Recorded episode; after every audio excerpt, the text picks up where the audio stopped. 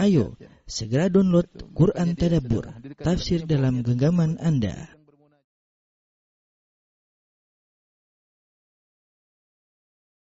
Surat Al-A'raf dikenal juga dengan surat Tula At-Tulayain. Tula At-Tulayain yang artinya adalah surat terpanjang dari dua surat yang panjang.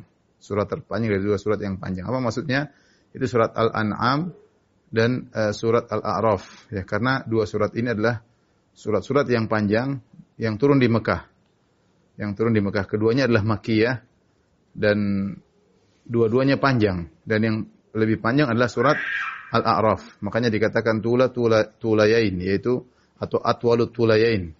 Surat yang terpanjang dari dua surat yang panjang, surat Al-A'raf dan surat Al-An'am yang lebih panjang adalah surat Al-A'raf. Sebagaimana datang dalam satu riwayat dari Marwan Ibn Hakam dia berkata qala li Zaid bin Sabit Zaid bin Sabit berkata kepada Marwan Ibn Hakam ketika Marwan Ibn Hakam menjadi imam dan Marwan Ibn Hakam baca surat-surat pendek. Ina atau ina al-Kautsar, surat-surat pendek dalam juz amma.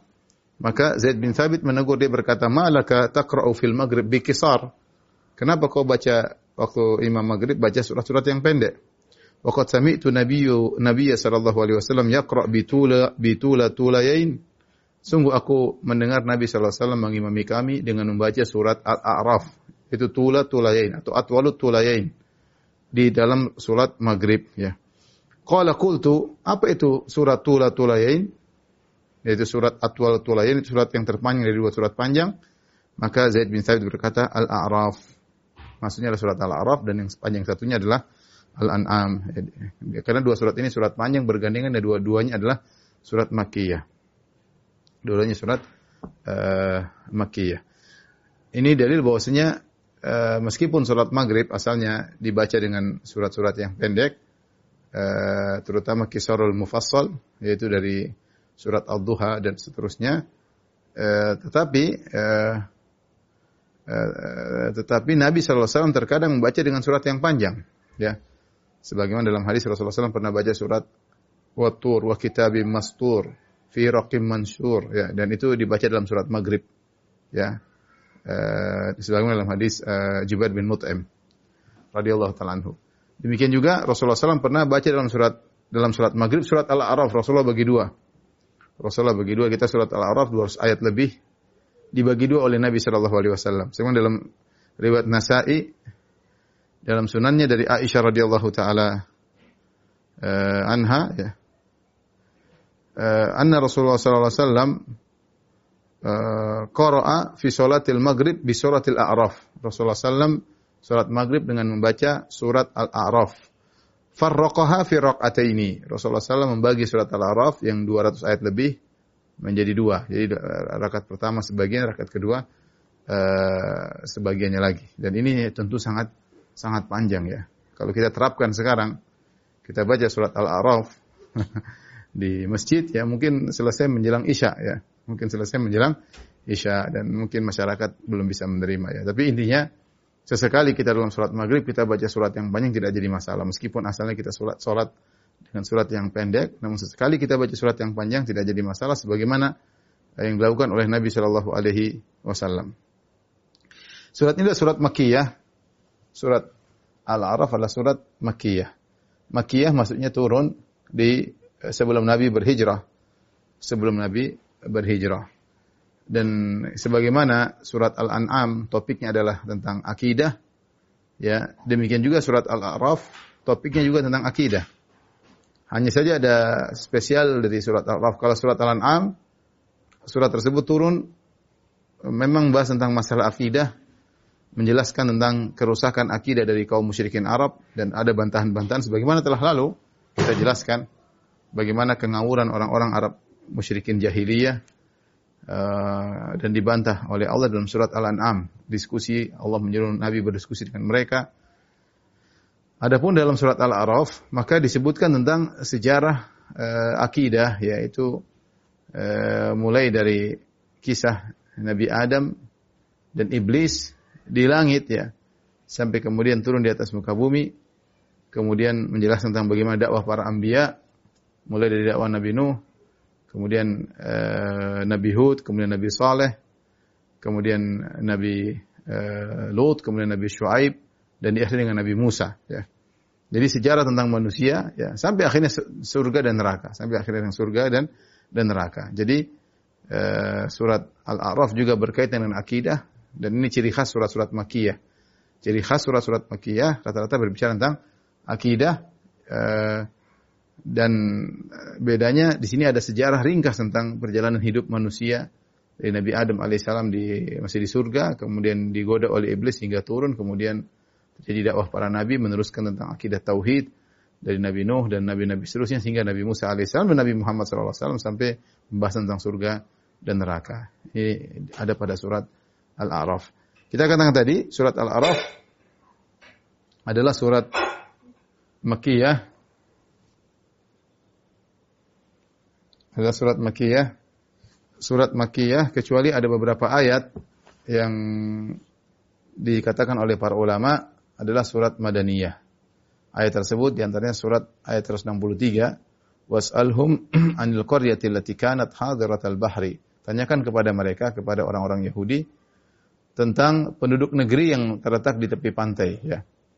Uh, ini dikatakan oleh para ulama ayat ini mulai ayat ini sampai firman Allah wa idna taqanal jabala fawqahum ayat 171 ini ayat dari 163 sampai 171 adalah Madaniyah. Kenapa Madaniyah? Karena ayat ini berkaitan tentang Yahudi. Kata Allah was'alhum, tanyakan kepada mereka, yaitu orang Yahudi. Dan Nabi SAW tidak berinteraksi dengan orang Yahudi kecuali di Madinah. Di Mekah tidak ada orang Yahudi.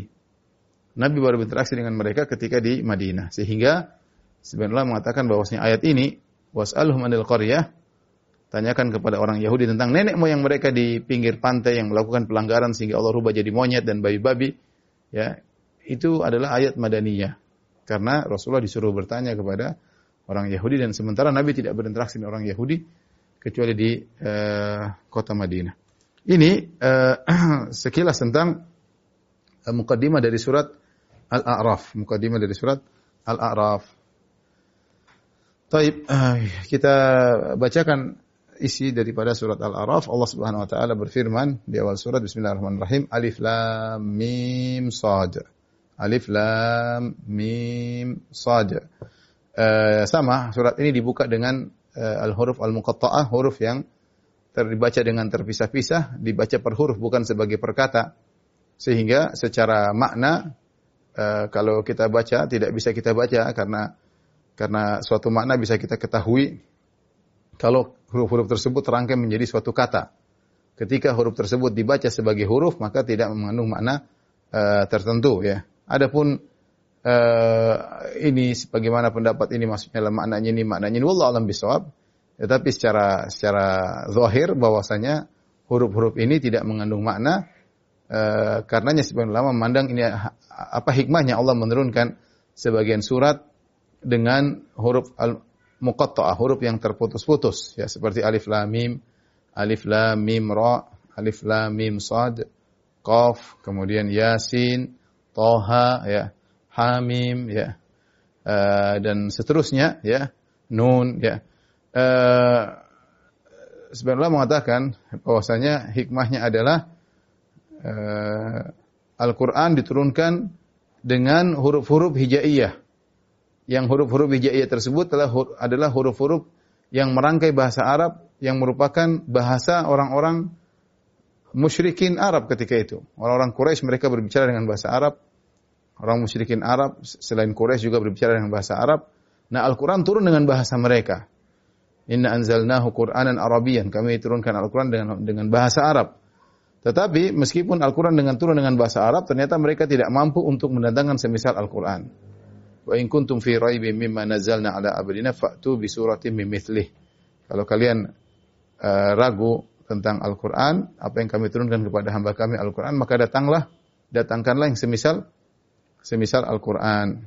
Tentu mereka tidak bakalan mampu dan ini sebagai uh, isyarat tentang mukjizat Al-Qur'an dan ini sudah sering saya sampaikan bahwasanya Al-Qur'an turun dengan bahasa Arab dengan huruf-huruf hijaiyah yang dikuasai oleh orang-orang Quraisy dan mereka ngomong dengan huruf hijaiyah, namun mereka tidak bisa mendatangkan semisal Al-Quran. Padahal mereka bahasa Arabnya tidak kalah hebat daripada Muhammad Shallallahu Alaihi Wasallam. Bahkan mereka lebih hebat dari Muhammad.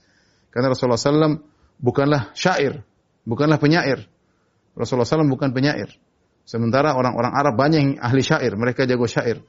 Rasulullah SAW tidak pernah buat syair, tapi Rasulullah SAW pernah menukil syair yang diucapkan oleh sebagian sahabat. Ya, uh, tetapi uh, orang-orang musyrikin Arab, mereka jago-jago syair, namun mereka tidak bisa datang semisal Al-Quran. Ya, karena Al-Quran ini menakjubkan susunannya, balaghahnya, dan dia bukan ini bukan syair. Ini hikmah di antaranya kenapa Allah buka sebagian surat dengan huruf al-muqatta'ah. Makanya biasanya setelah Allah menyebutkan surat dengan huruf al-muqatta'ah, Allah biasanya langsung sebut Al-Qur'an. Allah biasanya sebut langsung tentang Al-Qur'an. Contoh alif lam ra atau alif lam mim dzalikal kitabul raiba fi. Alif lam mim kemudian Allah mengatakan itulah Alkitab. Itulah Al-Qur'an. Toha ma anzalna alaikal Qur'ana. Toha Toha Allah mengatakan kami turunkan Al-Qur'an, Allah sebut Al-Qur'an. Eh, sama seperti eh, uh, surat ini Alif Lam Mim Sad kitabun unzila ilaika. Ya. Uh, Alif Lam Mim Sad uh, kitabun langsung Al-Qur'an yang diturunkan kepada engkau. Misalnya Qaf wal Qur'anil Majid. Ya. Uh, Qaf kemudian Allah sebutkan Al-Qur'an. Jadi sering setelah Allah sebut tentang huruf-huruf uh, muqatta Allah sebutkan langsung tentang Al-Qur'an. Ada kaitannya huruf muqatta dan Al-Qur'an maksudnya Al-Qur'an tersusun dari huruf-huruf hijaiyah tersebut namun kalian tidak bisa mendatangkan semisal Al-Quran. Tapi inilah hikmah dari Alif Lam Mim Sad. Setelah itu Allah sebut tentang Al-Quran, kitabun unzila ilaika. Ini adalah sebuah kitab yang turunkan kepadamu. Kitabun di sini datang dalam nakirah tanwin li ta'zim, ya kitab yang agung ini yang lengkap isinya apa yang dibutuhkan oleh kaum muslimin semuanya ada di kitab ini sebagai petunjuk, sebagai rahmat ya. Unzila ilaika diturunkan kepada engkau. Siapa yang menurunkan? Allah sudah jelas. Tidak perlu dikasih tahu sudah jelas. Kitabun unzila ilaika. Kitab yang diturunkan Allah kepada engkau. Fala yakum fi sadrika harajun minhu. Maka janganlah ada kesempitan dalam dadamu karenanya, karena kitab tersebut. Ditunzira bihi supaya kau beri peringatan dengan kitab tersebut wa dzikra mu'minin dan sebagai pelajaran atau peringatan bagi orang-orang yang beriman.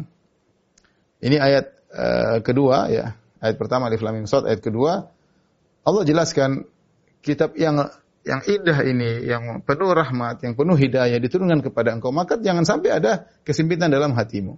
Apa maknanya? Apa maknanya? Fala ya fala yakun fi sadrika haraj. Jangan sampai ada kesempitan dalam dadamu. Ada yang ditafsirkan dari sebagian salaf maksudnya jangan kau ragu. Jangan kau ragu tentang agungnya uh, kitab ini.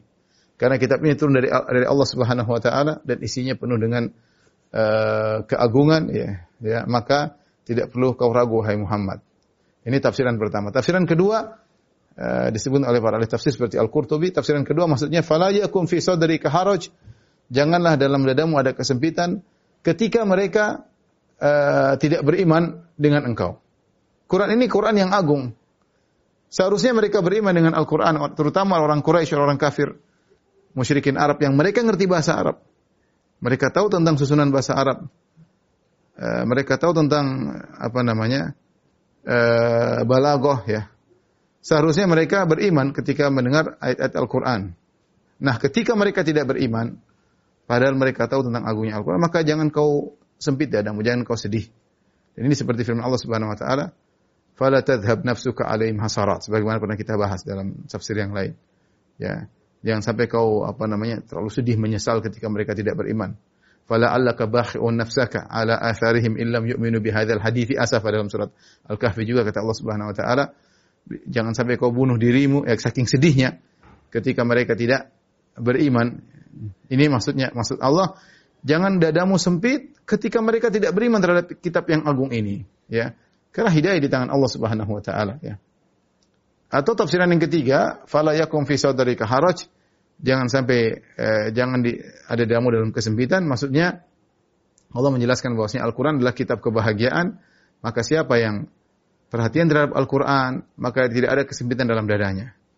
Ya, dia berusaha membaca, berusaha memahami, berusaha diamalkan, dia akan mendapati dadanya sangat lapang, apa pun kondisinya. Ya, karena dia tiap hari membaca firman Allah Subhanahu wa taala. Dia bergaul dengan Al-Quran, dia baca, dia berusaha pahami, dia baca tafsirnya. Orang ini orang yang bahagia. Adapun orang yang uh, jauh dari Al-Quran, maka mereka tidak bahagia. Ya, makanya Allah mengatakan, Toha ma anzalna alaikal Qur'ana litashqa. Toha, kami tidak turunkan Al-Quran kepada engkau untuk kau sengsara. Tidak, tetapi agar kau bahagia. Dan terlalu banyak dalil menunjukkan bahwasanya Al-Quran adalah kitab kebahagiaan yang buat da, lapang dada uh, seseorang, membuat lapang dada uh, seseorang ya. Ini eh, di antara tiga tafsiran tentang fala yakun fi sadrika harajun minhu. Jangan sampai ada kesempitan dalam dadamu dengan diturunkan Al-Qur'an tersebut. Apa fungsi Al-Qur'an? Ditundhira bihi. Untuk kau beri peringatan. Peringatan kepada siapa? Secara khusus kepada orang-orang kafir. Beri peringatan bahwasanya kalau mereka tidak beriman akan ada hari kebangkitan dan mereka akan diminta pertanggungjawaban dari Allah Subhanahu wa taala ketika mereka tidak mentauhidkan Rabbul Alamin. Dan juga bisa jadi mereka akan diberi hukuman di dunia sebelum di akhirat ditunzira bihi. Allah tidak Allah hanya mengatakan supaya kau beri peringatan dengan Al-Qur'an. Allah tidak menyebutkan objeknya. Tapi sebagian ahli tafsir mengatakan maksudnya agar kau beri peringatan kepada orang kafir. Ya. Setelah itu wa dzikra lil mu'minin dan sebagai peringatan bagi kaum beriman. Al-Qur'an ini fungsinya di antaranya beri peringatan kepada orang-orang kafir ya dan sebagai tazkir. Zikra itu maknanya tazkira. Tazkira maksudnya tazkir peringatan lawan daripada lupa ya karena seorang di dunia ini sering lupa sering lupa dengan kesibukan dunia yang begitu padat ya dengan uh, apalagi zaman sekarang dengan berita-berita yang di medsos yang tiada henti-hentinya kesibukan orang mengikuti cerita-cerita perdebatan pertikaian ya di dalam berita-berita yang membuat dia lalai dengan akhirat ya kemudian kesulitan mengurusi kehidupan dunia harus mencari nafkah di sana di sini dan berbagai macam hal membuat dia lalai maka kalau dia baca Al-Quran jadi ingat. Dia ingat bahwasanya ada namanya akhirat. Karena hampir setiap lembar Al-Quran pasti ada sebut tentang akhirat. Ya. Makanya Al-Quran itu zikra sebagai peringatan. Tazkir, tazkirah sebagai uh, peringatan. Orang yang sering baca Al-Quran dia akan selalu ingat dengan akhirat. Dia akan sadar bahwasanya hidupnya hanyalah uh, sebentar. Ya. Adapun yang tidak baca Al-Quran maka dia akan akan lalai, ya. akan lalai. Jadi ini fungsi Al-Quran adalah memberi peringatan, ditunzir bihi, memberi peringatan kepada orang kafir. Hanya saja objek.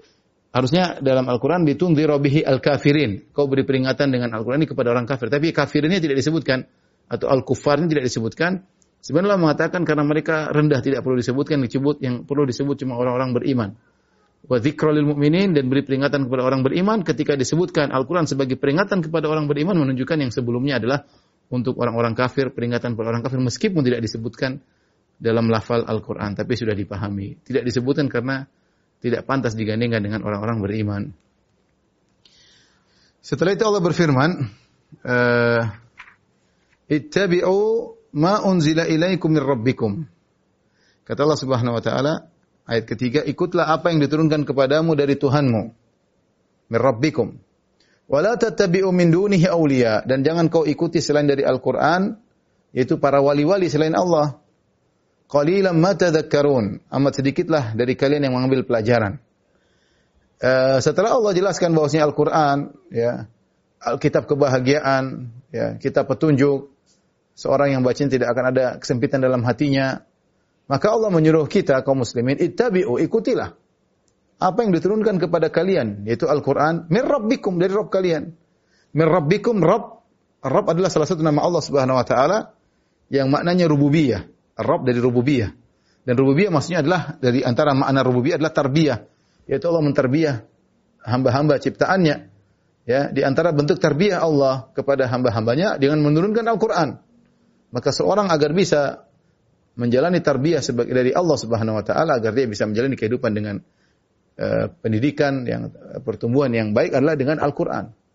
Allah tidak menciptakan manusia begitu saja dibiarkan, tapi Allah ciptakan, Allah turunkan uh, para rasul dan Allah turunkan kitab suci.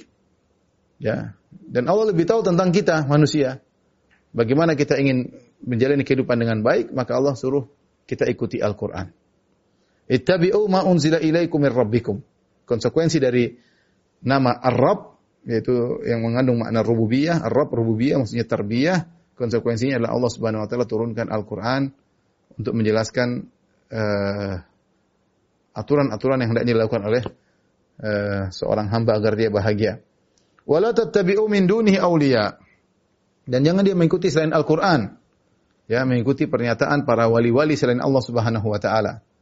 Di sini kata Al-Imam Ibnu Qayyim rahimahullahu taala, Allah Subhanahu wa taala hanya memberikan dua pilihan. Ikut Al-Quran, maksudnya Al-Quran dan penjelasannya Al-Quran dan Sunnah. Atau kalau tidak mengikuti Al-Quran dan Sunnah, maka mengikuti kebatilan. Tidak ada Walam yaj'al bainahuma wasitah kata Ibn Ibnu Qayyim rahimahullah Allah tidak menjadikan ada pilihan ketiga. Alternatif ketiga enggak ada, cuma dua alternatif yang Allah sebutkan. Ikut Al-Qur'an, kalau tidak ikut Al-Qur'an maka mengikuti kebatilan selain Allah Subhanahu wa taala. Maka dalam kehidupan ini kita harus berjalan di atas Al-Qur'an dan Sunnah. Dalam segala hal. Jika kita tidak berjalan di atas Al-Qur'an dan Sunnah berarti kita berjalan di atas kebatilan. Itu sudah pasti. Apa yang kita lakukan dalam kehidupan ini pasti ada hukum dalam hukum Islam. Entah secara nas, atau secara kias ya, ya atau secara istimbat. Intinya eh, apa pun yang kita jalani pasti ada dalilnya. Bahkan dalam urusan-urusan duniawi ya, ya pasti ada dalilnya ya. Nah, kapan kita tidak mengikuti petunjuk Al-Qur'an dan Sunnah, ya kita pasti akan menyimpang. Kita yang pasti kita ikutilah kebatilan. Tidak ada pilihan ketiga kata Ibnu Qayyim rahimahullahu taala. Ini menegaskan kepada kita agar kita bahagia kita benar-benar harus berpegang teguh dengan Al-Quran dan Sunnah. Dan ini mengharuskan kita untuk banyak belajar. Banyak belajar dan berusaha untuk praktekkan satu demi satu. Kita menata kehidupan kita ya dari kehidupan sejak bangun tidur sampai mau tidur lagi, dari kegiatan sehari-hari, dari perkataan, dari tulisan, ya, dari ucapan, menata hati, menata mata, menata telinga, menata diri kita bermuamal dengan istri kita, anak kita, orang tua kita, kakak kita, adik kita, dengan tangga kita. Semuanya ada dalilnya menata diri kita dalam eh, interaksi terhadap diri kita sendiri tatkala kita di depan banyak orang, tatkala kita bersendirian tentang ibadah kita. Maka seorang berusaha mengikuti Al-Quran dan Sunnah. Makanya seperti perkataan Sufyan Ats-Tsauri, "Law istata'ta alla tahuka ra'saka illa bisunnah faf'al." Kalau kau mampu tidak menggarukkan tidak menggaruk kepalamu kecuali ada dalilnya, lakukanlah. Artinya berusaha sebisa mungkin kita berjalan dengan dalil, berusaha sebisa sebisa mungkin. Karena kalau kita tidak ikut dalil, kita pasti akan tersesat tidak akan tersesat. Kita akan tersesat. Nah, ini konsekuensinya kita harus banyak belajar. Harus banyak belajar ya. Bukan bukan cuma antum, kita semua, saya juga harus banyak banyak belajar dan belajar bukan cuma teori, tapi belajar untuk mempraktekkan dalam kehidupan sehari-hari. Itu lebih berat daripada yang sekedar memahami. Memahami, membaca Al-Qur'an, kemudian butuh dipahami, kemudian butuh untuk dipraktekkan. Kata Allah, qalilan ma tadhakkarun ya. Qalilan ma tadhakkarun. Uh, yaitu uh, hanya sedikit yang uh, mengambil pelajaran. Ya. Kenyataannya banyak orang yang meninggalkan Al-Quran dan Sunnah. Makanya Allah mengatakan qalilan ma tadhakkarun. Kenyataannya demikian. Ya. Hanya sedikit yang mengambil pelajaran. Jadilah anda termasuk orang-orang yang sedikit tersebut. Ya. Makanya ada seorang berdoa, uh, dia mengatakan Allah maj'alni minal qalil. Ya Allah jadikanlah aku termasuk golongan yang sedikit. Ditanya kenapa? Ya, karena sedikit selalu, sering dipuji oleh Allah qalilan ma tadhakkarun, sedikit kalian yang uh, mengambil pelajaran, ya. Wa qalilun min ibadiyas syakur, hanya sedikit dari hamba-hambaku yang uh, bersyukur, hanya sedikit ya. Jadi uh, apa namanya seorang uh, berusaha mengambil pelajaran ya meskipun kebanyakan manusia tidak mengikuti Al-Qur'an Sunnah jangan ter, ter, ter, terpedaya dengan mayoritas jangan terpedaya dengan jumlah yang banyak seorang berusaha menata dirinya untuk kebahagiaan di dunia dan di di akhirat. Baik. Uh, kemudian Allah menyebutkan tentang bagaimana nasib orang-orang yang uh, melanggar atau tidak mengikuti petunjuk dari Allah Subhanahu wa taala. Kata Allah Subhanahu wa taala, "Wa kam min qaryatin ahlaknaha faja'aha ba'suna bayatan aw hum qailun." Kata Allah Subhanahu wa taala, betapa banyak negeri yang telah kami binasakan. Di sini wa kam min qaryatin ahlaknaha uh, faja'a ba'suna ya. Betapa banyak negeri yang kami binasakan, maka datang kepada negeri-negeri tersebut siksaan kami. Ada yang mengatakan wa kam min qaryatin arada aradna ihlakaha ahlaknaha diartikan uh, negeri-negeri yang kami hendak membinasakannya ya. Seperti fa idza qara'tal Qur'an ya uh, fasta'iz billah. Kalau kau baca Quran maksudnya ketika kau baca mau, mau baca Al-Quran maka beristiadalah. Sama seperti idza kumtum ila salati kalau kalian salat maksudnya maka berwudulah maksudnya jika kalian hendak salat maka berwudulah. Sama seperti ini wa kam min qaryatin ahlaknaha betapa banyak negeri kalau kami hendak membinasakannya meskipun datang dalam fi'il madhi pas tapi ditafsirkan dengan wa kam min qaryatin ahlaknaha betapa banyak negeri yang ketika kami hendak membinasakannya Caranya bagaimana? Faja'aha ba'suna. maka datang kepada negeri tersebut siksaan kami. Ya. Menimpa penduduk negeri tersebut, ya. Bayatan di malam hari auhum qailun atau ketika mereka sedang melakukan qailulah. Qailulah adalah uh, istirahat di waktu siang hari, entah sebelum zuhur entah setelah zuhur. Entah sebelum zuhur atau setelah zuhur itu beristirahat di siang hari. Artinya terkadang azab atau siksaan datang kepada suatu kaum Sementara mereka sedang lalai, tidak terpikirkan akan datang kepada mereka yang tersebut. Mereka benar-benar lagi dalam kelalaian. Ya. Uh, dalam ayat yang lain, afa amina afa amina ahlul qura ayatiyahum ba'suna duhan wa hum yal'abun bayatan wa hum naimun. Ya. Apakah penduduk satu negeri merasa aman dari uh, siksaan kami ketika datang kepada mereka dalam mereka dalam kondisi sedang tidur? Atau di waktu pagi mereka sedang bermain-main tidak terbetik dalam mereka, artinya banyak Allah sebutkan banyak negeri yang Allah berikan siksaan kepada mereka, sementara penghuni negeri tersebut tidak terbetik dalam benak mereka bahwasanya mereka akan disiksa. Ya. Mereka santai, bermain-main, senang-senang, ada yang tidur siang, mungkin ada yang uh, malam-malam sedang bercanda, sedang tahu-tahu datang datang siksaan ya. Datang siksaan ya. Saya katakan sama seperti kematian, betapa sering datang kematian tanpa di duga-duga terlebih dahulu ya tiba-tiba datang tanpa ada pemberitahuan tanpa ada mukaddimah tiba-tiba menjemput nyawa seseorang. Di sini Allah berbicara tentang suatu negeri negeri-negeri yang mereka tidak mengikuti petunjuk Allah Subhanahu wa taala. Beginilah nasib mereka. Inilah peringatan di antara peringatan dalam Al-Qur'an Allah peringatkan banyak negeri-negeri yang tidak mengikuti petunjuk Allah akhirnya dibinasakan. Faja'aha ba'suna datanglah siksaan kami kepada mereka bayatan di malam hari Auhum qailun atau mereka sedang tidur, tidur siang, ya, tiba-tiba datang siksaan. Famakana dakwahum idh ja'ahum ba'suna. Ketika siksaan datang kepada mereka, maka tidak ada perkataan mereka, seruan mereka di waktu datang siksaan kepada mereka illa an qalu kecuali mereka berkata, "Inna kunna zalimin." Sungguhnya kami telah zalim. Mereka sadar ketika datang azab di depan mereka, mereka waktu yang sempit tersebut mereka mengatakan sungguh kita berbuat zalim, kita telah bersalah tapi akhirnya mereka binasa. Dan sadarnya mereka di saat tersebut tidak ada faedahnya. Ya, tidak ada faedahnya. Sama seperti Firaun ketika akan uh, mati hatta idza adrakahul gharaq qala annahu la ilaha illa alladhi amanat bihi bani Israil. Ketika akan tenggelam baru dia mengatakan la ilaha illallah. Tidak ada faedahnya. Ya. Eh, penyesalan yang tiada bermanfaat ketika saat mereka melihat siksaan sudah di hadapan mata mereka ya. Allah Subhanahu wa taala berfirman Falanas'alanna alladhina ursila ilaihim walanas'alanna al-mursalin Maka sungguh kami akan menanyai umat-umat yang telah diutus oleh yang diutus rasul-rasul kepada mereka. Walanas'alanna al-mursalin dan kami juga akan bertanya kepada para rasul tersebut. Allah mengatakan uh, semuanya akan dimintai pertanggungjawaban. Ini peringatan tentang hari akhirat. Ingat, kalau kalian tidak beriman bisa jadi datang siksaan di dunia. Kalaupun tidak datang siksaan di dunia, kalian akan di, dibangkitkan dan diminta pertanggungjawaban. Semua akan ditanya tentang amalan mereka. Umat-umat yang para rasul itu kepada mereka dan mereka mendustakan umat para rasul tersebut dan para rasul juga akan ditanya. Semuanya akan mempertanggungjawabkan apa yang mereka diperintahkan. Adapun umat-umat yang membangkang kepada para nabi, tentu mereka akan terhinakan. Mereka akan terhinakan ketika dimintai pertanggungjawaban. Mereka tidak mampu jawab.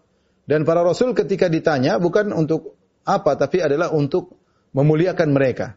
Bahwasanya mereka sudah menyampaikan amanah dari Allah Subhanahu wa taala, risalah dan untuk mempermalukan umat-umat mereka. Ya, seperti ketika Allah bertanya kepada Nabi Isa, Anta qulta nasi ittakhiduni wa ummi ilahaini min dunillah. Wahai Isa, apakah kau pernah memerintahkan kepada umatmu, jadikanlah aku dan ibuku sebagai dua Tuhan selain Allah? Nabi Isa mengatakan tidak. Ya. Tidak pantas bagi untuk mengucapkan hal tersebut.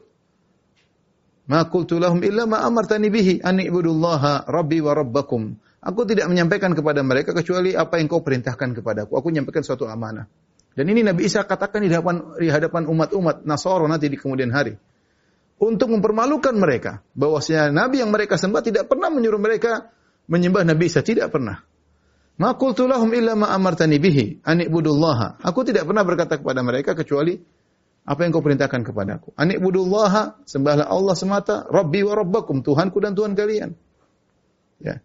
Jadi para semua ditanya, kita semua akan ditanya. Bukan kita juga, para rasul juga untuk akan ditanya, tapi para rasul ditanya adalah untuk memuliakan mereka dan untuk mempermalukan umat-umat mereka yang membangkang kepada kepada mereka. Ya. Kemudian kata Allah Subhanahu Wa Taala, "Falanakussanna alaihim bi'ilmin." Maka sungguh kami akan kabarkan kepada mereka tentang apa yang mereka perbuat bi'ilmin dengan ilmu jadi Allah akan mengabarkan kepada semua manusia tentang apa yang mereka lakukan di akhirat kelak. Dan Allah mengabarkannya dengan bi'ilmin. Sekali lagi ilmin di sini uh, apa namanya? Uh, nakirah maksudnya dengan ilmu yang agung karena ilmu Allah, ilmu adalah ilmu yang dahsyat, ilmu yang agung. Allah mengetahui segala sesuatu.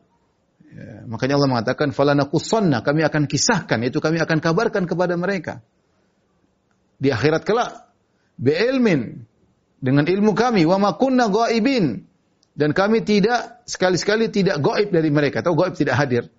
Allah mengatakan Allah mengatakan kami tidak pernah gaib. Kami tidak pernah gaib. Artinya waktu kapan pun tidak ada Allah lari dari kita. Tidak ada kita lagi maksiat kemudian Allah tidak catat. Tidak ada.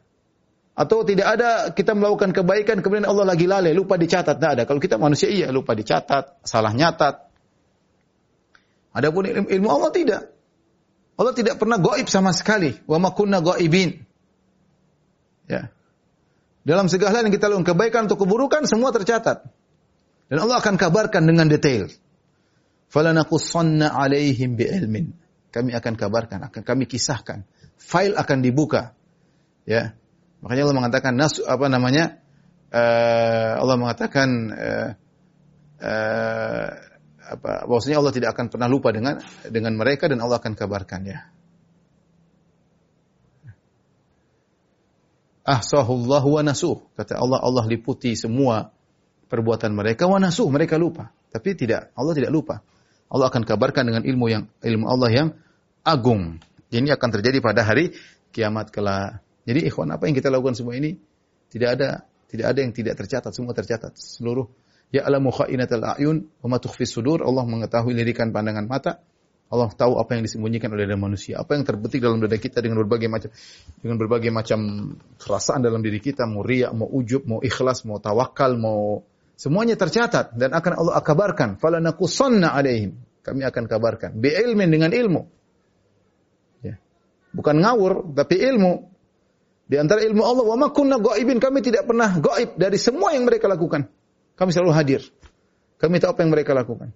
Kalau lirikan mata, kalau bisikan hati, tercatat bagaimana lagi dengan ucapan? Ma yalfidhu min qawlin illa ladaihi raqibun ati. Tidak ada satu ucapan pun, satu lafal pun kecuali dicatat. Apalagi yang lainnya.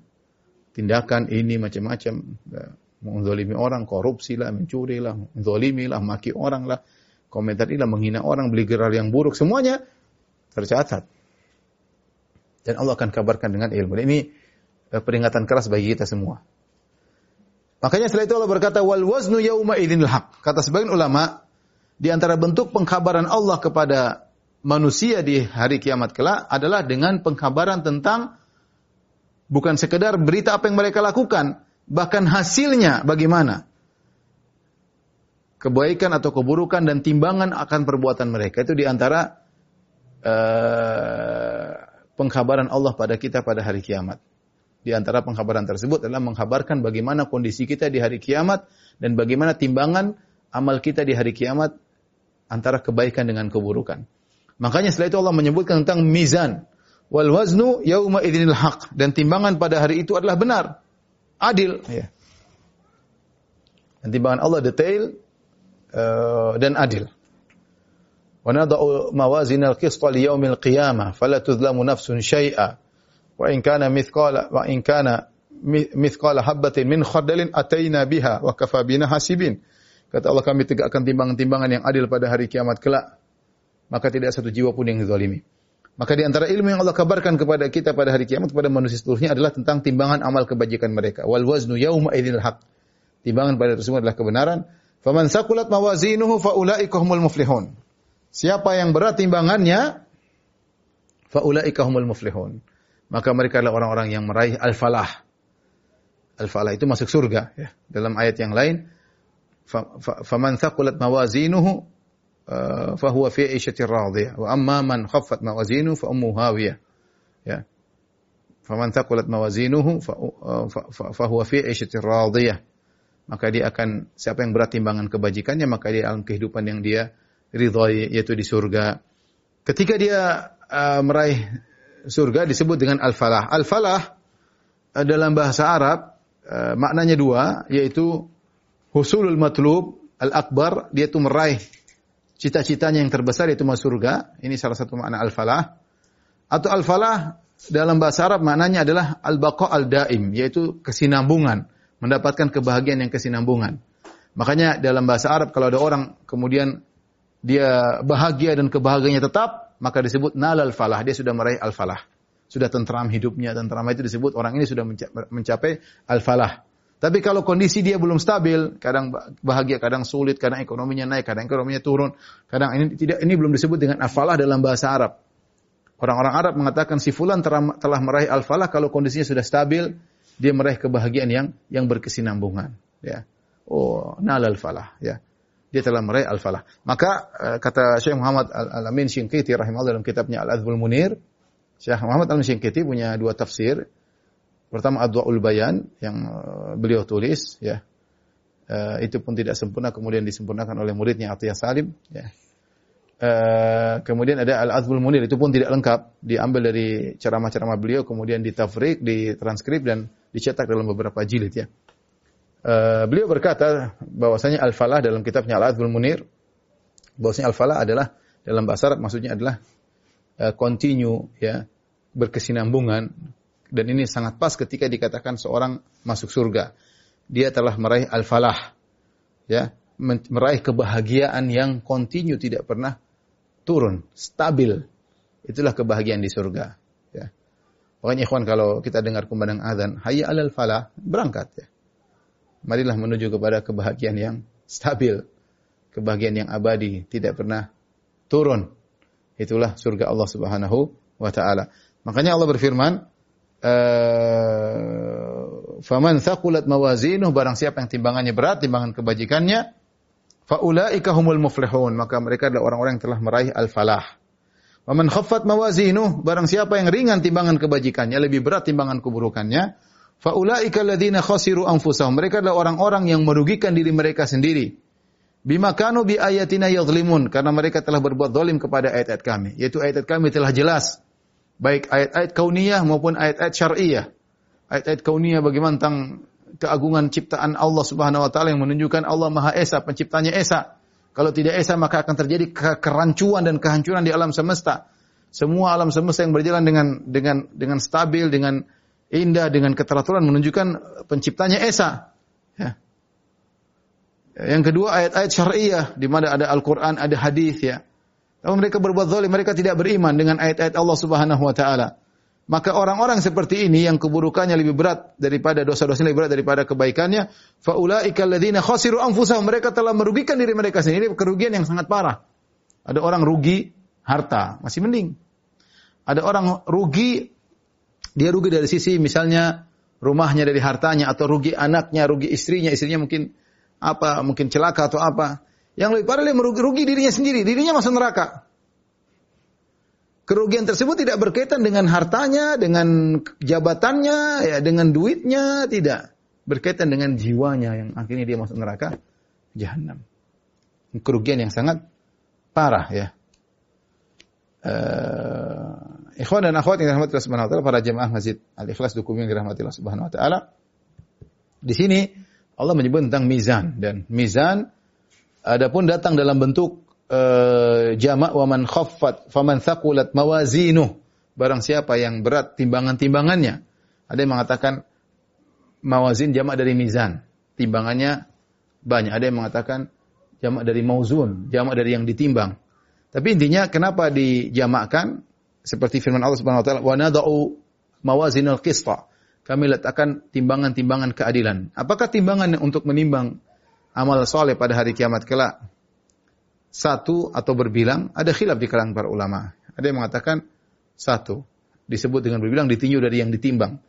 Ada yang mengatakan timbangan berbilang karena masing-masing orang ada timbangannya. Allah alam bisawab intinya akan ada timbangan pada hari kiamat kala dan Allah mampu untuk uh, menimbang amal soleh. Apakah yang ditimbang adalah orangnya pelakunya ataukah yang ditimbang adalah uh, catatan amalnya atau yang ditimbang amal soleh itu sendiri yang Allah rubah dari suatu yang abstrak menjadi konkret ya dan ini sudah kita bahas dalam masalah uh, rukun iman ya demikian secara akidah wasitiyah juga kita bahas kita tidak akan mengulangi lagi ya.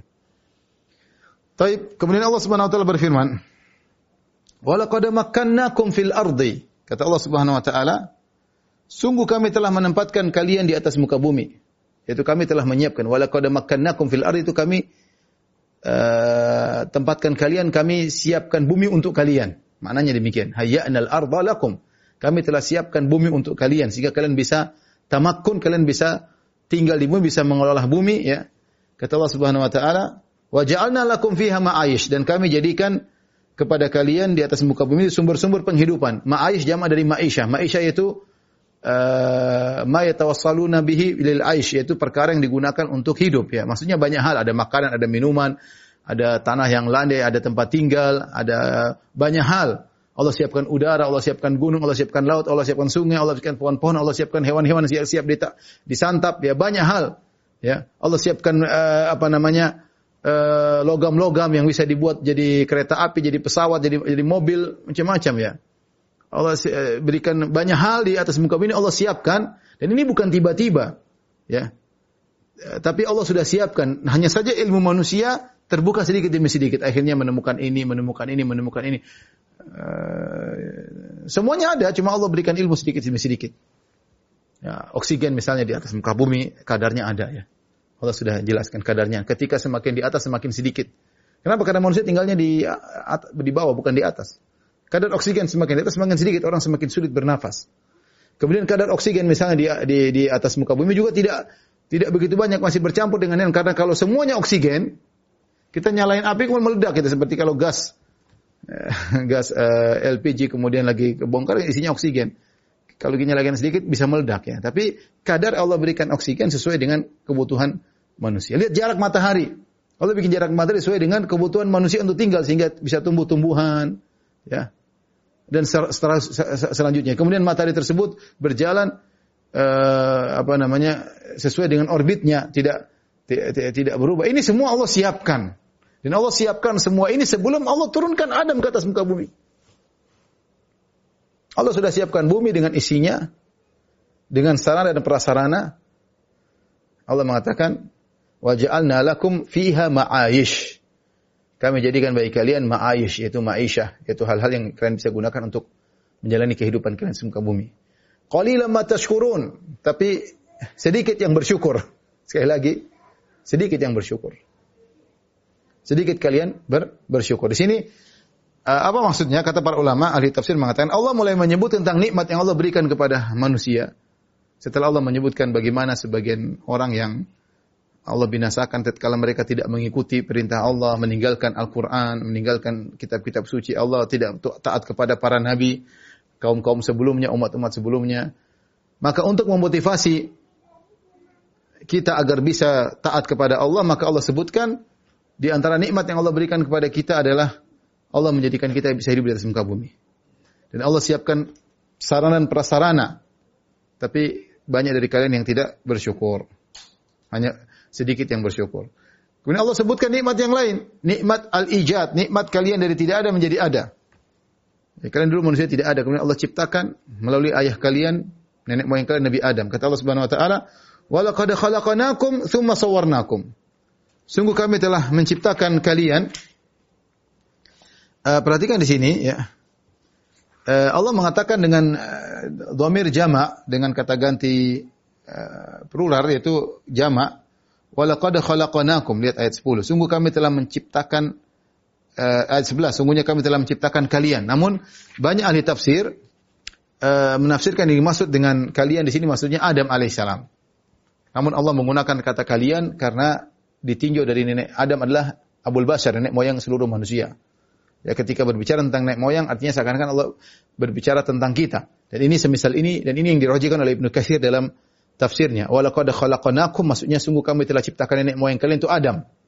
Ya seperti firman Allah Subhanahu wa taala uh, tentang uh, Bani Israel ya. Ketika Allah Subhanahu wa taala berfirman, "Wa dhallalna 'alaikumul ghamama wa anzalna 'alaikumul manna wassalwa."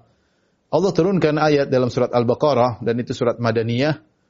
Allah berkata, "Wa dhallalna 'alaikumul ghamama" dan kami telah uh, menaungi kalian wahai Bani Israel dengan ghamama dengan awan agar kalian tidak kepanasan. Wa nazzalna 'alaikumul manna wassalwa dan kami turunkan bagi kalian wahai Bani Israel yang ada di zaman Nabi, orang Yahudi di kota Madinah, kami turunkan kepada kalian manna wassalwa, makanan dari dari langit. Padahal yang dimaksud dengan kalian di situ adalah nenek moyang mereka, yaitu orang Yahudi di zaman dahulu. Tetapi Allah menggunakan kata kalian, tapi maksudnya adalah nenek moyang mereka.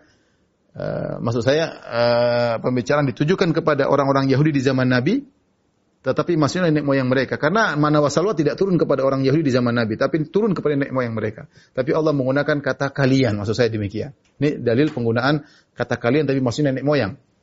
Contoh lagi seperti Allah berfirman tentang Nabi Nuh kata Allah Subhanahu wa taala, "Inna lamma tagal ma'u hamalnakum fil jariyah." Tatkala air sudah meluap di zaman Nabi Nuh, hamalnakum fil jariyah, maka kami angkut kalian di atas kapal. Kalian di sini maksudnya apa? Nabi Nuh alaihissalam. Nenek moyang kalian maksudnya. Jadi kata kadang Allah menggunakan kata kalian maksudnya nenek moyang. Seperti ayat ini, "Walaqad khalaqnakum." Sungguh kami telah menciptakan kalian, maksudnya menciptakan Nabi Adam. Thumma sawwarnakum kemudian kami bentuk kalian. Thumma qulna lil malaikati isjudu li Adam. Kemudian kami berkata kepada malaikat sujudlah kepada Adam. Maksudnya kami telah menciptakan kalian yaitu menciptakan Adam uh, dari tanah. Setelah dari tanah tersebut, ya kita tahu Adam diciptakan dari tanah, tanah tersebut dicampur dengan air jadilah tin. Jadilah tin, setelah tin, tanah yang seperti tanah liat, tanah bercampur dengan air, kemudian Allah biarkan menjadi sehingga berubah warna dan aromanya. Setelah itu Allah bentuk ya seperti tembikar kemudian setelah itu Allah tiupkan ruh maka jadilah uh, manusia sama seperti Nabi Isa alaihissalam ketika Allah uh, memberikan mukjizat kepada Nabi Isa ya apa namanya uh, Nabi Isa menciptakan burung dari eh, apa namanya dari minatin uh, dari dari dari tanah liat dibentuk dalam dalam dalam bentuk burung fa anfukhu fihi Fayakunu tayran biiznillah. Kemudian kata Nabi Isa, aku pun meniupkan di situlah, jadilah burung. Jadi tanah tiba-tiba jadi daging, jadi terbang. Sama Nabi Adam alaihissalam diciptakan dari tanah, kemudian Allah bilang kun Allah ciptakan jadilah maka jadi manusia Nabi Adam alaihissalam. Jadi eh, kami ciptakan kalian dari tanah, jadi Adam dari tanah. Tsumma sawwarnakum kemudian bentuk kalian menjadi manusia, kemudian kami tiupkan ruh. Tsumma qulna lil malaika. Kemudian kami berkata kepada malaikat. Usjudu li Adam. Wahai malaikat sujudlah kepada Adam. Fasajadu ila iblis. Maka semuanya sujud, malaikat kecuali iblis. Iblis tidak sujud. Lam yakum minasajidin. Dia tidak, tidak masuk dari dari golongan yang sujud. Di sini sebagaimana pernah saya jelaskan dalam tafsir surat Al-Baqarah, ya segera saya singgung saja. Para ulama khilaf tentang asal muasal iblis. Apakah iblis dari golongan malaikat atau dari golongan jin? Karena kalau kita lihat konteksnya, perhatikan, saya bacakan ayatnya. Summa qulna lil malaikati isjudu li Adam. Kami kalau kami perintahkan kepada malaikat untuk sujud kepada Adam. Fasajadu malaikat pun semuanya sujud illa iblis kecuali iblis. Seakan-akan iblis bagian daripada malaikat. Lam yakum minas sajidin dan dia tidak termasuk dari malaikat yang sujud. Seakan-akan iblis golongan dari malaikat. Dan makanya ada khilaf dengan para ulama, apakah iblis dari golongan malaikat atau dari golongan jin? Jumhur mufassirin, ya, para ahli tafsir banyak mayoritas yang mengatakan bahwasanya iblis ada dari golongan malaikat ya, dari golongan malaikat. Namun yang dirojikan Allah alam bisa pendapat Ibnu Taimiyah, Ibnu Qayyim dan sebagian ahli tafsir bahwasanya iblis bukan dari golongan malaikat tapi dari golongan jin. Sebagaimana dalam surat Al-Kahfi, kana minal jinni fafasaqan amri rabbih. Bahwasanya iblis dari golongan jin namun dia membangkang perintah Allah Subhanahu wa taala. Dan ini yang lebih kuat karena malaikat la ya'suna ma amara ma la ya'suna Allah ma amarhum wa yaf'aluna ma yu'marun. Malaikat tidak pernah membangkang perintah Allah dan selalu menjalankan perintah Allah. Adapun iblis tidak, jin tidak. Jin terkadang membangkang, terkadang taat, sama seperti manusia. Dan iblis, intinya meskipun iblis yang lebih kuat berasal dari golongan manusia, tetapi dia gaulnya ketika itu dengan golongan malaikat. Eh, dari golongan jin, yang lebih kuat iblis berasal dari golongan jin, tetapi ketika itu iblis di langit bersama malaikat. Kenapa? Karena dia memiliki kedudukan sehingga gaulnya dengan malaikat, sehingga ketika Allah menyebutkan malaikat, Allah tidak mengatakan kami berkata kepada malaikat dan iblis. Allah hanya mengatakan kami berkata kepada malaikat. Seakan-akan iblis golongan dari mereka. Iblis sebagian dari mereka. Karena begitu hebatnya iblis. Ahli ibadah, ahli ilmu. Iblis luar biasa ahli ibadah, ahli ilmu. Tetapi ketika Adam diciptakan oleh Allah, dia pun hasad, dia sombong, dia angkuh, akhirnya dia merusak semua yang sudah dilakukan selama ini. Selama ini rajin ibadah, selama ini punya ilmu. Namun ketika dia hasad kepada Adam, akhirnya dia rusak segalanya, akhirnya dia masuk neraka jahanam. Dan dia tidak termasuk dari golongan yang sujud kepada uh, Adam alaihissalam. Tapi uh, ikhwan dan uh, akhwat yang dirahmati Allah Subhanahu wa taala mungkin sampai di sini dulu ya. Alhamdulillah satu halaman kita sudah selesai. Insya Allah kita lanjutkan halaman berikutnya. Allah alam bisawab demikian saja. Kami ingin sampaikan kurang lebih saya mohon maaf. Wabillahi taufiq wal hidayah. Assalamualaikum warahmatullahi wabarakatuh. Segera download Quran Tadabbur, tafsir dalam genggaman Anda. Bulan Ramadan adalah bulan Al-Quran.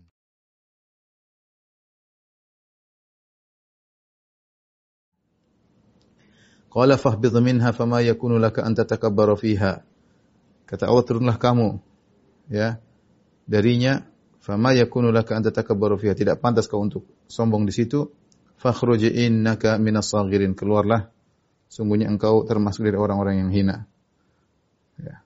Qala anzirni ila yaumi yub'atsun. Iblis berkata, "Ya Allah, tangguhkanlah aku sampai hari yang hari kebangkitan." Qala innaka minal munzirin, kata Allah, engkau termasuk yang ditangguhkan. Qala fa bima aghwaytani la aqudan lahum siratal mustaqim. Kata iblis, ya karena engkau telah menghukum saya tersesat, saya benar-benar akan menghalangi-halangi mereka dari jalan engkau yang lurus. Tapi kita mulai dari ayat yang ke-12. Allah Subhanahu wa taala berfirman, "Ma mana'aka alla tasjuda id amartuk?" Apa yang mencegah engkau menghalangi engkau untuk sujud kepada Adam ketika aku perintahkan? Tentu Allah sudah tahu jawabannya ya. Allah tahu isi hati atau apa yang disembunyikan oleh iblis. Sebagaimana tafsiran sebagian ulama terhadap firman Allah uh, dalam surat Al-Baqarah wa a'lamu ma wa ma kuntum taktumun Aku tahu apa yang kalian tampakkan wahai para malaikat dan juga iblis di dalamnya. Wa kuntum taktumun dan apa yang kalian uh, sembunyikan. Jadi iblis uh, ketika Allah mengkhabarkan Allah akan menciptakan manusia, iblis sudah langsung hasad ketika itu. Sebagaimana Allah sebutkan dalam surat Al-Hijr, "Inni khaliqun basharan ya uh, min salsalin min hama'im masnun, fa idza sawaituhu wa nafakhtu fihi min ruhi faq'u lahu sajidin." Kata Allah, wahai malaikat, dan dalam rombongan malaikat ada iblis, ini khaliqun basharan. Aku akan menciptakan manusia ya. Min salsalin min hama'in masnun terbuat dari tanah ya intinya. Fa idza sawaituhu jika aku sudah sempurnakan penciptaannya wa nafakhtu fihi min ruhi dan aku tiupkan ruh kepadanya faqa'u lahu sajidin maka sujudlah.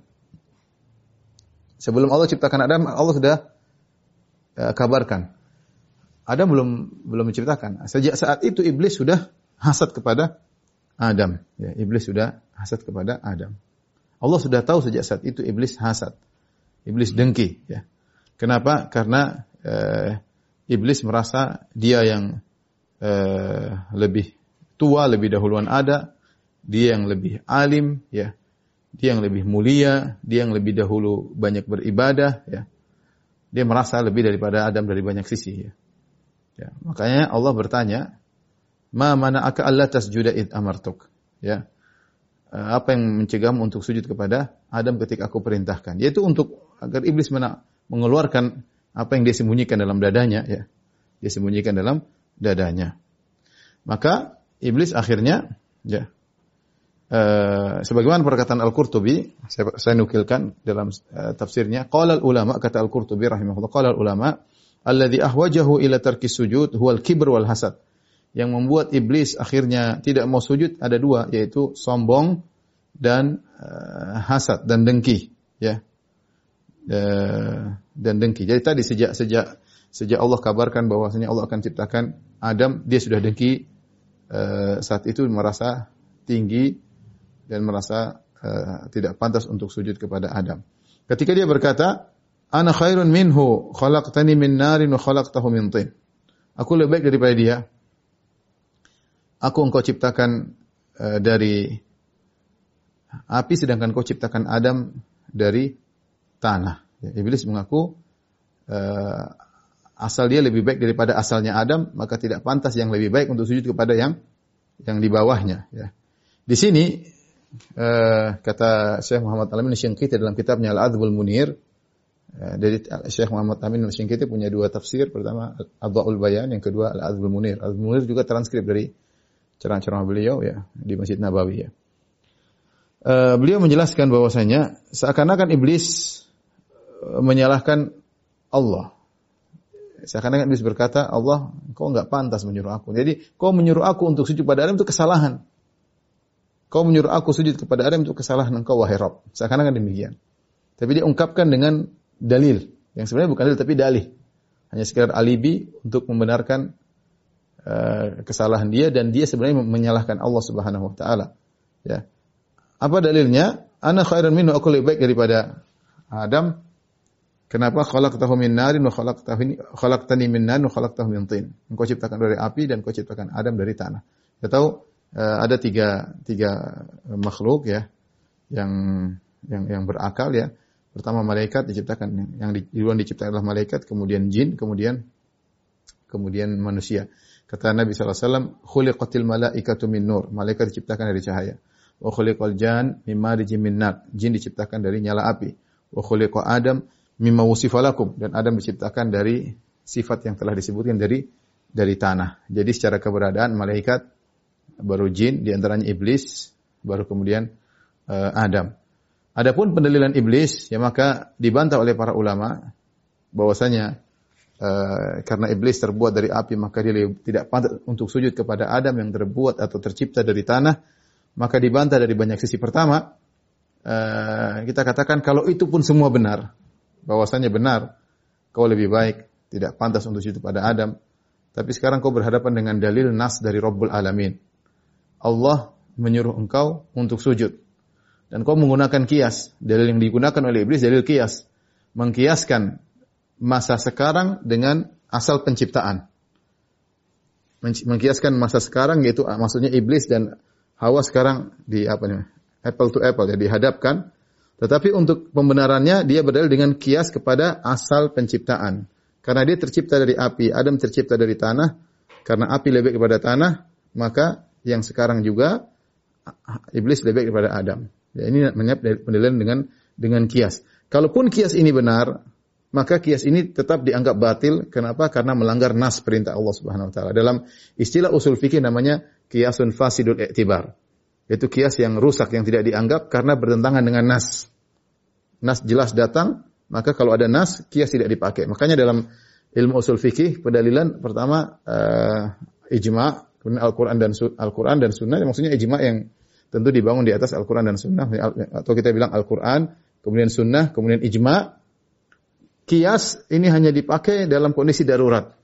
Kalau tidak ada dalil, tidak ada penunjukan nas sama sekali, baru menggunakan kias. Kalau ada dalil yang tegas maka kias tidak dipakai dan kias yang bertentangan dengan dalil namanya kiasun fasidul etibar, kias yang rusak. Jadi kita bantahan pertama kita katakan seandainya kias yang digunakan oleh iblis itu benar, bahwasanya kalau asalnya baik lebih baik daripada asal satunya, maka dia tidak tidak boleh dia menyembah kepada yang kurang daripada dia ini.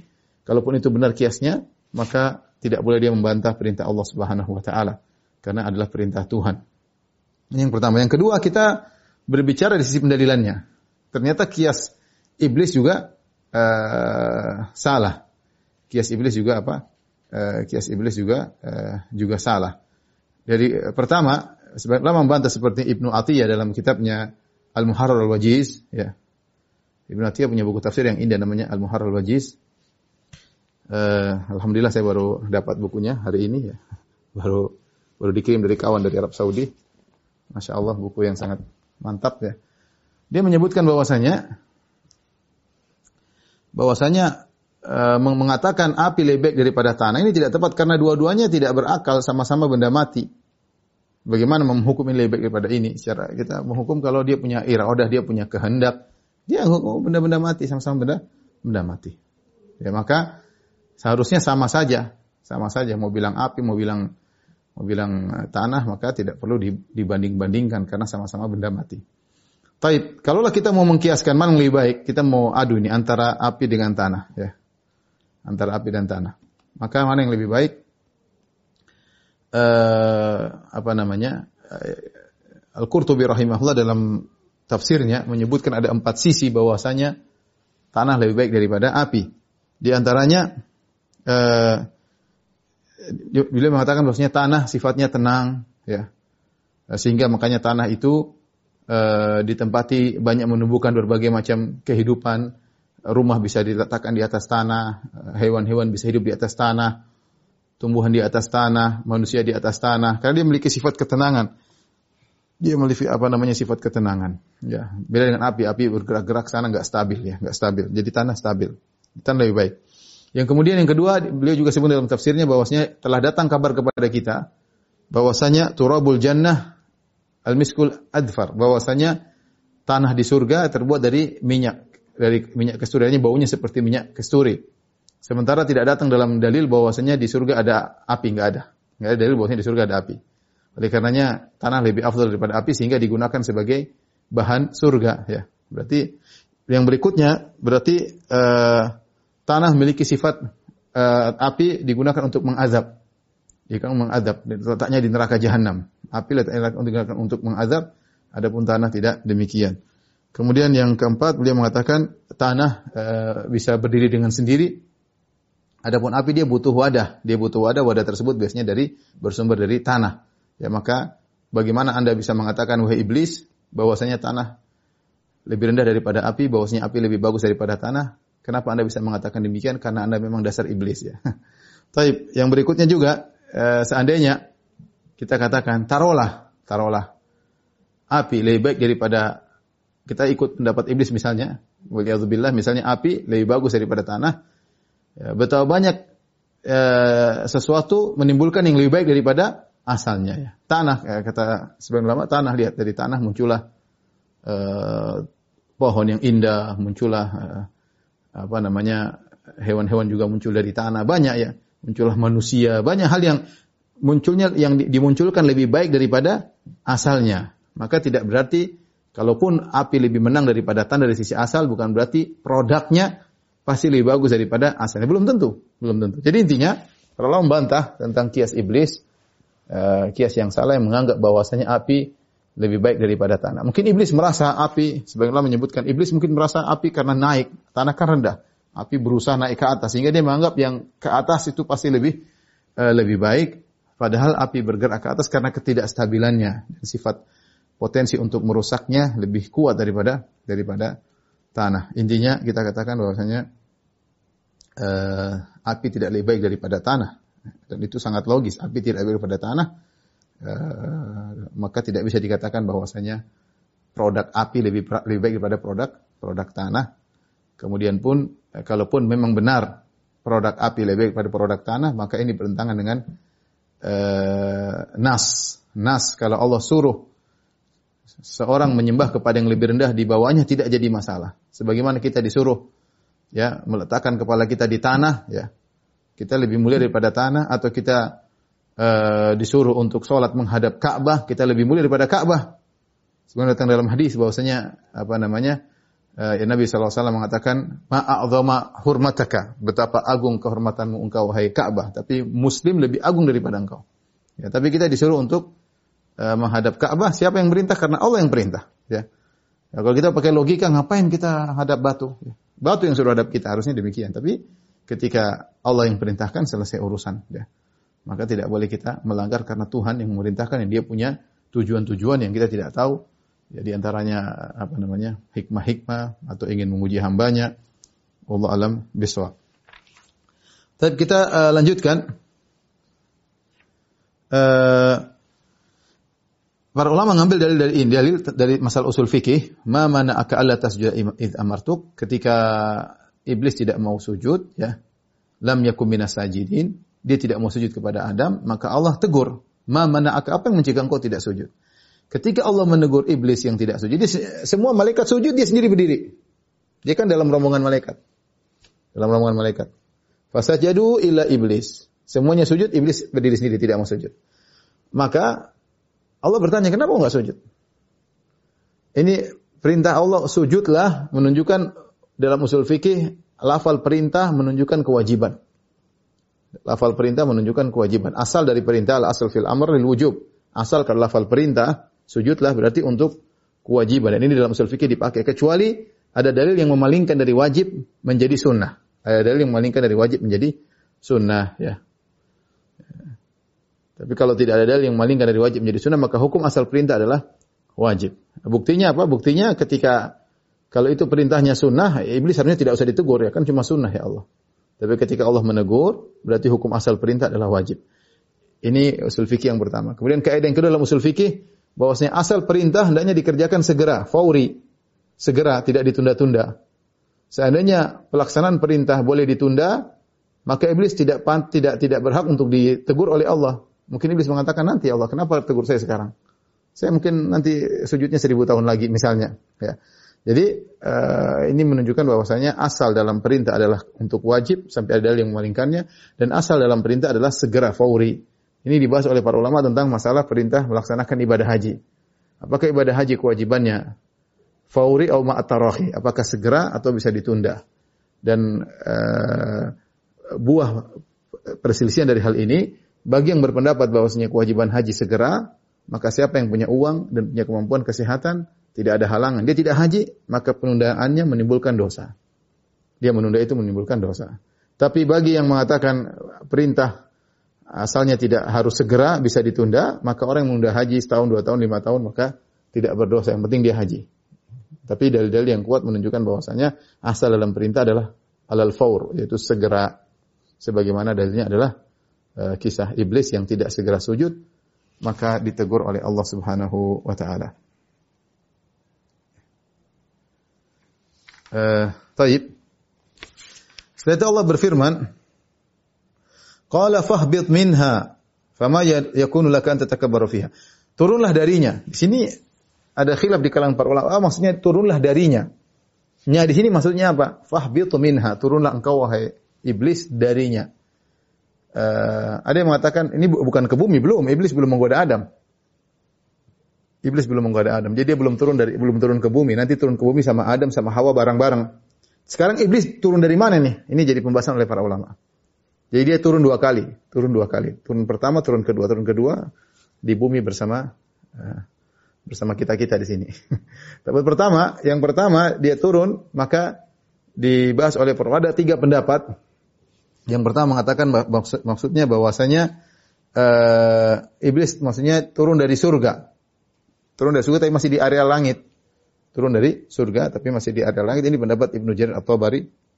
Uh, uh, ini uh, dipilih oleh Ibnu Jarir atau Bari ya. Kemudian uh, pendapat yang kedua maksudnya karena tidak pantas karena Allah berfirman setelah itu fama yaku fakhruj fama yakunu laka anta fiha tidak pantas kau untuk sombong di dalamnya maksudnya di surga tidak pantas untuk untuk di surga karena kau sombong Pendapat yang kedua maksudnya adalah iblis turun dari langit tertentu yang di situ ada para malaikat karena dia selevel dengan malaikat. Iblis ini kan jin yang so, yang soleh dahulunya. Rajin ibadah, punya ilmu yang tinggi. Uh, sudah sekian ribu tahun katanya beribadah kepada Allah sehingga derajat dia naik dan dia selevel dengan dengan malaikat. Sehingga ketika Allah berbicara dengan malaikat, Allah tidak menyendirikan penyebutan iblis. Allah sebut malaikat saja. Ya. Wa idh qulna lil malaikati isjudu. Tatkala kami berkata kepada malaikat sujudlah. Allah tidak mengatakan dan tatkala kami berkata kepada malaikat dan iblis. Akan-akan iblis tidak perlu disebutkan secara sendirian karena dia dalam rombongan malaikat. Levelnya sama dengan malaikat. Maka ketika dia sombong, Allah turunkan levelnya. Orang, orang Allah turunkan levelnya dari langit tertentu menuju uh, uh, level yang di bawah. Uh, kemudian pendapat yang ketiga bahwasanya Intinya Allah turunkan dia dari suatu manzilah, entah manzilah itu di mana, dikeluarkan. Makanya dalam sebagian ayat Allah tidak mengatakan turunlah, tapi Allah mengatakan fakhruj minha, keluarlah. Seakan-akan ada suatu lokasi yang di situ tempat mulia berkumpul iblis dengan Adam, maka Allah mengatakan fakhruj minha, keluarlah darinya. Keluarlah dari dari lokasi uh, tersebut, ya. Ini tiga pendapat, Allah alam, apakah dulu iblis di surga atau di langit level tertentu atau di lokasi yang mulia tertentu, kemudian intinya dia dikeluarkan ya. Kenapa dia dikeluarkan kata Allah? Fama yakunu laka an tatakabbaru fiha. Tidak pantas kau untuk untuk sombong di situ ya. Ya, makanya eh, sombong adalah dosa yang sangat besar. Ini kadang-kadang kita menyepelekan penyakit hati ya. Padahal eh, tadi uh, Al-Qurtubi menyebutkan dua hal yang menyebabkan iblis keluar penyakit hati dua-duanya, hasad sama sombong. Kita terkadang hasad sebebas-bebasnya, terkadang sombong sebebas-bebasnya. Kita enggak itu itu akhlaknya, perangainya iblis. Perangainya iblis sombong. Makanya kata Nabi SAW, la yadkhulul jannata man kana fi qalbi mithqalu dzarratin min kibr. Tidak mau surga orang dalam hatinya ada uh, kesombongan sebesar zarrah. Maka waspada selalu ikhwan. Tutup segala pintu kesombongan dan pintu kesombongan banyak. Sombong karena ilmu, sombong karena uh, harta, sombong karena suku, uh, sombong karena banyak hal ya. Sombong karena jabatan ya. Sombong karena gelar ya. Dan banyak hal yang membuat kita menjadi sombong ya. Jangan terpancing dengan elu-eluan masyarakat yang mengangkat-angkat kita sebenarnya sedang bukan mengangkat kita tapi merendahkan kita tatkala kita terjerumus dalam kesombongan. Terjerumus dalam kesombongan, waspada. Uh, kata Allah, "Fakhruj innaka minas saghirin." Keluarlah sungguhnya engkau dari termasuk orang termasuk dari kelompok yang hina. Saghir maksudnya kecil yang hina. Ya. Jadi di sini Allah mengatakan keluarlah Keluarlah dari entah dari surga, entah dari langit tersebut, entah dari lokasi tersebut. Tiga pendapat tadi telah kita uh, sebutkan.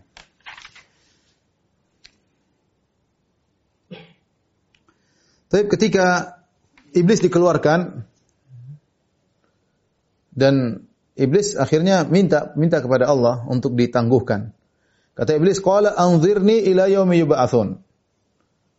Ya Allah, tangguhkanlah aku sampai hari kebangkitan. Iblis pintar. Dia pernah dengar bahwasanya namanya hari manusia akan diciptakan dan dibangkitkan dan kalau hari kebangkitan nggak akan mati lagi. Tidak ada mati dua kali. Udah hari bangkit tidak akan mati lagi sampai selama-lamanya. Kalau nggak di surga di neraka. Maka dia minta ditangguhkan matinya sampai hari kebangkitan. Artinya nggak mati. Saya nggak usah dikasih mati. Minta sampai hari kebangkitan. Kalau sudah dibangkitkan, di, di, di apa, di, di, ditunda kematian sampai hari kebangkitan, artinya dia tidak akan bakalan mati karena hari kebangkitan itu tidak lagi hari kematian. Kematian sudah disembelih oleh Allah Subhanahu wa taala. Yang didatangkan dalam bentuk uh, domba. Taib. Terus apakah Allah kabulkan? Allah mengatakan, "Qala innaka minal munzarin." Kau termasuk yang ditangguhkan. Seakan-akan bukan kau saja, banyak yang ditangguhkan yang tidak dicatat kematian oleh Allah seperti malaikat banyak ya. Mungkin ada yang lainnya. Intinya intinya uh, ada khilaf di kalangan sebagian ulama. Ada yang mengatakan ini iblis berdoa mohon kepada Allah. Apakah dikabulkan oleh Allah? Ini iblis kok dikabulkan oleh Allah? ada yang mengatakan ini iblis bukan dikabulkan doanya oleh Allah, tapi Allah hanya menjelaskan takdir. Memang sebelum kau minta sudah saya takdirkan kau akan ditangguhkan.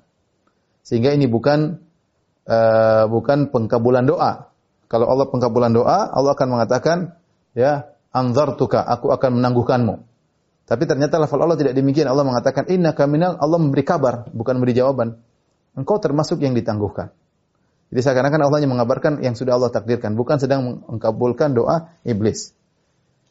Ini pendapat sebagian, sebagian ulama seperti saya pernah baca uh, makhtut kawan saya, makhtut itu manuskrip At-Turkumani tentang masalah akidah dia mengatakan hendaknya seorang husnudzon kepada Allah Subhanahu wa taala uh, dalam berdoa. Kalau orang-orang penjahat saja bisa husnudzan apalagi orang-orang beriman. Lihatlah orang-orang musyrikin ketika mereka di tengah lautan mereka husnudzan kepada Allah minta diselamatkan, Allah selamatkan.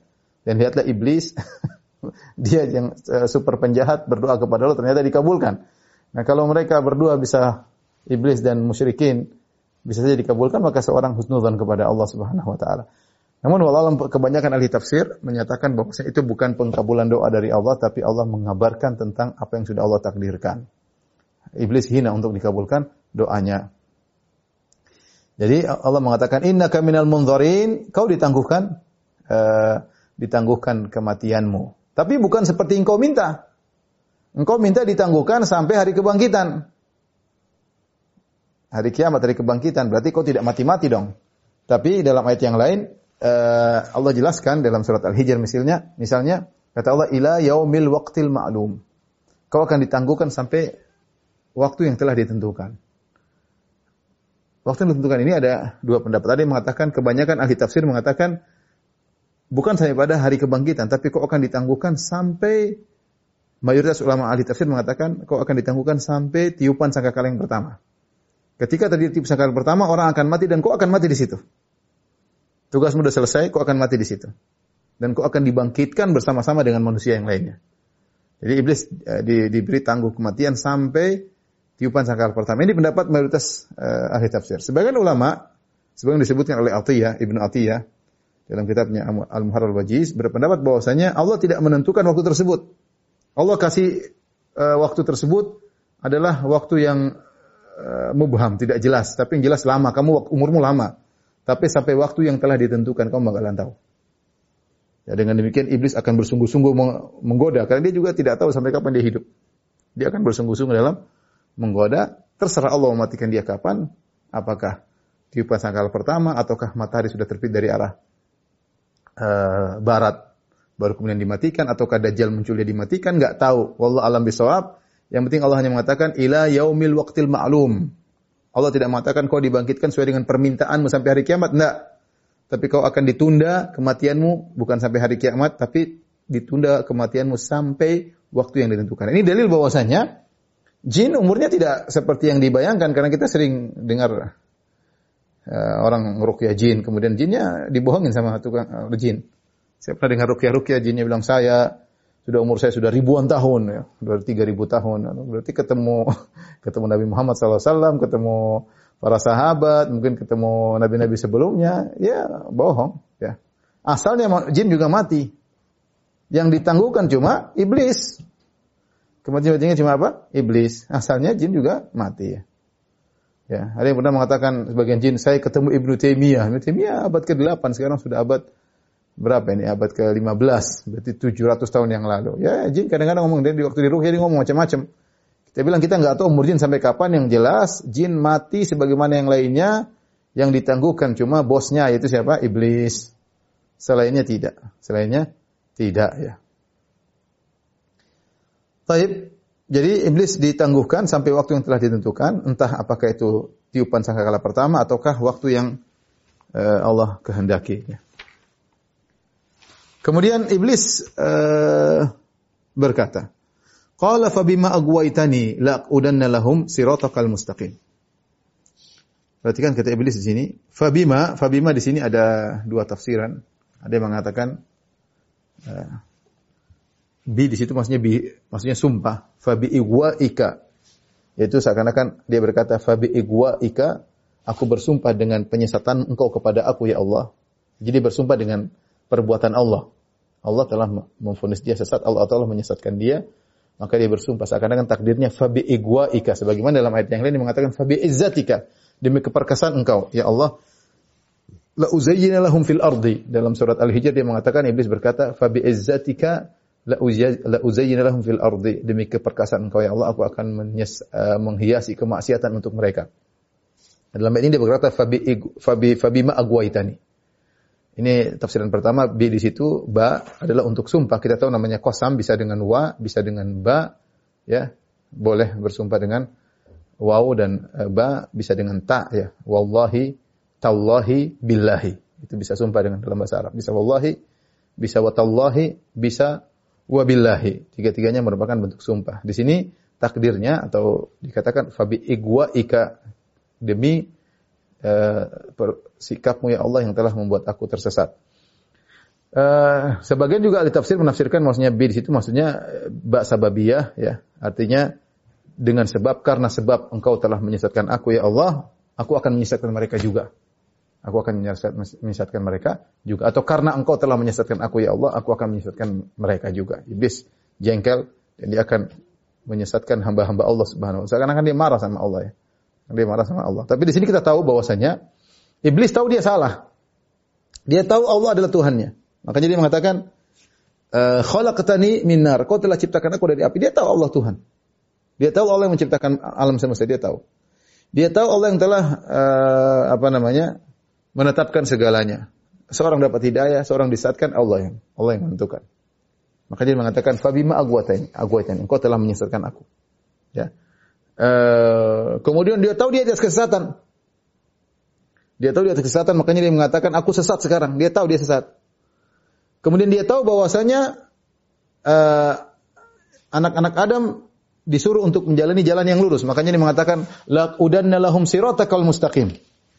Aku akan menghalangi mereka di jalan engkau yang lurus. Jadi maksud saya iblis tahu dia dalam kondisi tersesat dan dia tahu dia akan menyesatkan anak Adam yang seharusnya anak Adam harus harusnya melewati jalan yang lurus. Ini menunjukkan uh, busuknya iblis ya. Busuknya iblis ya. Uh, seorang waspada.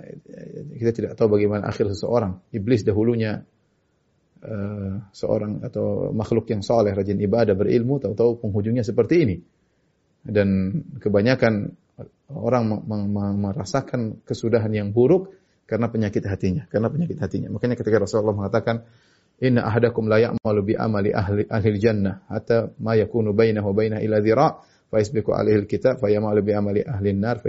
Sungguh salah seorang dari kalian sungguh benar-benar salah seorang dari kalian melakukan amalan-amalan penghuni surga sampai jarak dia dengan surga sudah dekat kedahuluan takdir maka dia beramal di penghujung hayatnya beramal dengan amalan penghuni neraka masuk neraka. Dalam riwayat yang lain disebutkan itu disebabkan karena penyakit hatinya. Kata Nabi SAW, Inna ahadakum la ya'malu bi amali ahli jannati ma yabdu nas. Sungguhnya salah seorang dari kalian melakukan amalan melakukan amalan kebajikan, amalan orang soleh menurut pandangan manusia. Padahal hakikatnya tidak. Artinya apa? Dia ria, mungkin dia sombong, dia maka di antara hal yang paling mudahkan seorang merasakan su'ul khatimah adalah penyakit hatinya. Contohnya iblis nih. Iblis ini uh, karena itu potensi, potensi itu muncul belakangan. Dia ternyata hasa, ternyata sombong, maka akhirnya lihatlah dia mendapatkan suul khatimah. Ya, dan dia tahu dia di atas kesesatan dan dia nekat. Ya, kenapa dia tidak mengatakan saya bertobat ya Allah kemudian selesai urusan? Tapi begitulah dia sudah sangat uh, busuk hatinya maka dia nekat dan dia bersumpah akan mengganggu anak-anak Adam biar menemani dia di neraka jahanam. Jadi ini juga dalil bantahan terhadap uh, Qadariyah disebut oleh para ulama dalam buku banyak buku tafsir Qurtubi dalam uh, buku ini juga dalam uh, Muharrar Wajiz. Uh, Qadariyah mengingkari bahwasanya takdir baik dan buruk dari Allah. Ya.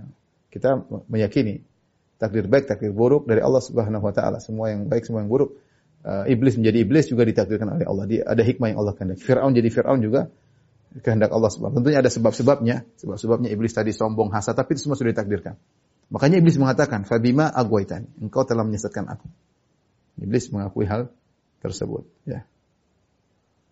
Makanya sebagian Asy'ariyah ketika membantah Qadariyah mereka mengatakan Qadariyah sepakat dengan iblis dalam segala urusan kecuali dalam urusan ini mereka menyelisihi guru mereka iblis. Iblis mengakui segalanya dengan takdir Allah, Qadariyah tidak.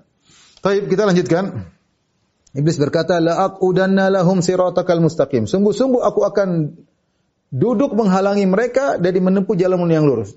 Aku akan nongkrong bahasanya bahasa kita.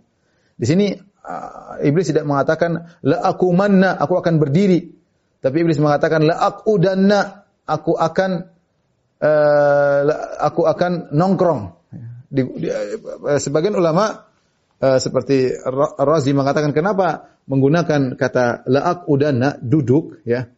Maksudnya benar-benar dia serius, dia fokus. Seakan-akan tidak ada kerjaan lain orang kalau sudah ada keperluan duduk, dia duduk berarti dia akan serius. Entah dia mau serius minum kopi, entah serius minum teh, entah mau serius nyatat, entah mau serius nonton, entah ngetik, pokoknya sudah duduk berarti dia serius. Dan ini kalau berdiri nggak nggak stabil, jangan sini komentar lagi nggak stabil. Jadi digunakanlah kata la aqudanna benar-benar aku akan nongkrongi itu aku akan tongkrongi itu anak-anak Adam. Saya akan serius, akan fokus dan serius menghalangi mereka dari jalan-jalan Allah Subhanahu wa taala. La qudanna lahum dan saya fokus buat mereka lahum. Saya ini nongkrong fokus tidak ada kegiatan lain. Cuma untuk mereka anak Adam agar mereka tidak melewati tidak menuju jalan yang lurus. La qudanna lahum siratal mustaqim. Ya. Menunjukkan jadi perkataan dengan kata duduk duduk menunjukkan apa? Keseriusan, fokus. Yang kedua menunjukkan kesinambungan. Ya, kesinambungan. Ya, continue. Tidak tidak pernah berhenti, tidak pernah tidak pernah lelah, lelah dalam menggoda manusia karena continue dia sudah nongkrong. Dan ini disebut dalam satu hadis kata Nabi SAW, Inna syaitana qa'ada li bini Adam bi atrukih. Sungguhnya syaitan nongkrong untuk menghalangi anak Adam dari segala jalan-jalannya. Semua jalan di ada iblis dan anak buahnya. Seorang mau mau haji dihalangi oleh iblis, mau bersedekah dihalangi. Kok sedekah? Sudah cukup sedikit saja ngapain banyak-banyak misalnya. Eh, seorang mau jihad, kau ngapain jihad? Perang nanti kalau mati istrimu dinikahi sama orang, hartamu diambil sama laki-laki lain. Begitu dia takut-takutin gitu. Jadi semua yang dia ingin lakukan kebaikan dihalang-halang iblis dari segala penjuru. Setelah itu iblis serius. Iblis mulai mengatakan, "Tsumma min baini aidihim." Kemudian benar-benar aku akan mendatangi mereka ya Allah. La'atiyanna di situ ada lam taukid dan ada nun taukid. Aku benar-benar akan mendatangi mereka. Min baini aidihim dari depan mereka, wa min khalfihim aku akan menggoda mereka dari belakang mereka. Wa an aimanihim aku akan goda mereka dari kanan mereka, wa an syama'ilihim dan aku akan goda mereka dari kiri mereka. Wala tajidu aktsarahum syakirin dan kau akan dapati kebanyakan mereka tidak bersyukur. Iblis bersumpah depan Allah. Iblis akan menggoda dari segala arah. Para ulama khilaf tentang kenapa apa maksudnya iblis menggoda dari depan, dari belakang, dari kanan, dari kiri ya. Sebagian salah mereka membahas kenapa apa maksudnya depan, apa maksudnya kanan, kiri dan belakang. Ada pendapat yang mengatakan maksudnya depan yaitu iblis akan menggoda dengan dunia, dengan dunia, dengan apa? Eh, perkara-perkara uh, dunia. Ditampakkan depan dia dunia keindahan dunia seakan-akan dia akan hidup lama. Uh, di balik kemewahan itu adalah kebahagiaan semua ditampakkan depan. Terus iblis masuk kepala membisikkan dia masuk dalam benaknya sehingga dia benar-benar fokus cari dunia. Ya, kemudian min khalfihim digoda dari belakang, enggak lupa akhirat, didorong terus lupa dengan akhirat. Bahwasanya dia lupa ada akhirat. Dia tidak mau tengok ke belakang untuk memikirkan akhirat dia. Terus berjalan, berjalan terus menuju ah, dunia yang tidak pernah dia, dia tidak bisa dia apa namanya puas dengan dunia tersebut. Jadi di, diingatkan dengan dunia, dilupakan dengan akhirat. Kemudian an aimanihim iblis goda dari kanan maksudnya kalau dia ingin melakukan kebajikan dihalang-halangi. Mau sedekah, mau sholat malam dihalang-halangi. Udah mas malam masih panjang tidur tidur lagi atau bablas subuh misalnya baca Quran, ah sebentar lagi nantilah ini berita penting akhirnya nggak baca uh, Quran ya. Mau silaturahmi nanti aja lah uh, insya Allah mama papa umurnya masih panjang tahu tahu meninggal misalnya. Dia, jadi di, dia ingin melakukan kebaikan selalu di dihalang-halangi. Itu an aimanihim. Wa an dari sebelah kiri maksudnya iblis menghiasi kemaksiatan. Menghiasi khamar, menghiasi zina, menghiasi korupsi, menghiasi banyak hal dia dia dia hiasi. Banyak hal dia hiasi. Kenapa iblis tidak mengatakan dari atas? Ya. Ada yang mengatakan dari atas karena dari atas rahmat Allah selalu turun, ampunan Allah selalu turun. Dia tidak bisa menutup pintu tersebut. Artinya hamba melakukan maksiat apa pun, kalau dia kembali kepada Allah, Allah ampuni. Kalau dia bertobat, maka Allah akan ampuni. Itu pintu yang tetap Allah buka, tidak bisa ditutup oleh oleh iblis. Kemudian kata iblis, wala tajidu aktsarahum syakirin dan kau akan dapati kebanyakan mereka tidak bersyukur. Ini dugaan iblis. Iblis tidak tahu masa depan. Kata para ulama, iblis tidak tahu masa depan. Yang tahu masa depan hanya Allah SWT. Dia tidak tahu dia kapan mati, dia pun tidak tahu. Dia tidak tahu kapan dia mati. Meskipun dia sudah dengar kabar adanya hari kebangkitan. Tapi dia tidak tahu kapan dia mati. Dan dia bersumpah, kau akan dapat ya Allah kebanyakan mereka tidak bersyukur. Kenapa iblis melihat manusia lemah? Manusia punya syahwat. Kalau punya syahwat berarti sama dengan jin dah. Bisa, bisa digoda. Dan aku akan menggoda dia dengan sungguh-sungguh. Dia pasti kebanyakan mereka tidak bersyukur. Kata sebagian ulama, iblis tahu bahwasanya, dan ini perkataan Ibnu Qayyim dalam kitabnya Idatus Sabirin, iblis tahu bahwasanya di antara ibadah yang agung adalah bersyukur. Sehingga jadilah tujuan utama dia menghalangi orang untuk bersyukur. Gimana caranya? Makanya kita memang eh, hamba-hamba yang kurang bersyukur. Makanya kata Allah Subhanahu wa taala, Eh, wa in ta'uddu ni'matallahi la tuhsuha innal insana la zalumun kafar. Kalau engkau menghitung nikmat-nikmat Allah yang Allah berikan kepadamu, kau tidak bisa menghitung. Tapi manusia itu zalum, suka melakukan kezaliman, kafar, suka ingkar, tidak bersyukur. Dan itu benar. Makanya iblis mengatakan, wala tajidu aktsarahum syakirin. Kau akan dapati kebanyakan mereka tidak bersyukur. Aktsarahum. Iblis tidak tidak bilang semuanya, dia tidak berani. Dia cuma bilang mayoritas mereka tidak bersedia dan ternyata itu benar. Makanya Allah sebutkan dalam uh, ayat lain ya uh, misalnya dalam uh, walaqad saddaqa alaihim iblisu dhannahu ya. Kata Allah Subhanahu dalam ayat yang lain iblis telah uh, apa namanya? benar persangkaannya. Nah, persangkaannya ketika dia menggoda anak Adam ternyata benar banyak yang ikut dia dan tidak bersyukur kepada Allah Subhanahu wa taala. Taib kata Allah Subhanahu wa taala ya, ketika iblis berjanji untuk menggoda manusia dan ya, mereka tidak akan bersyukur kata Allah qala khruj minha mad'uman madhura. Ya. Keluarlah engkau dari tempatmu tersebut ya. Dalam kondisi mad'uman terhina ya. Uh, kemudian dalam kondisi uh, apa namanya? Uh, terusir, terhina dan terusir. Mad'um maksudnya madmum sama, mad'um sama dengan madmum. Madhur ter, ter, ter, terusir ya. Kemudian kata Allah, "Laman tabi'aka minhum la amla anna jahannama minkum ajma'in." Sungguh siapa yang mengikutimu, maka benar-benar aku akan memenuhi neraka jahanam dari kalian seluruhnya. Dari engkau, wahai iblis, dan juga para pengikutmu. Akan aku penuhi neraka jahanam dengan kalian. Allah juga langsung beri sanksi ingat iblis. Silakan kau goda. Tapi kau dan para pengikutmu akan masuk neraka jahanam. Sekarang kau keluar dalam kondisi terhina eh, dan terusir. Oh, taib. Uh, setelah itu kita lihat bagaimana iblis menggoda Adam. Allah berfirman tentang Nabi Adam alaihissalam. Setelah Allah ciptakan Adam, apakah Allah ciptakan Adam di langit, di luar surga, atau apakah Allah ciptakan Adam di surga? Wallahu alam bisawab. Tapi Allah mengatakan, Wa ya Adam muskun anta wa zaujukal jannah. Wahai Adam, tinggallah engkau dan bersama istrimu di surga.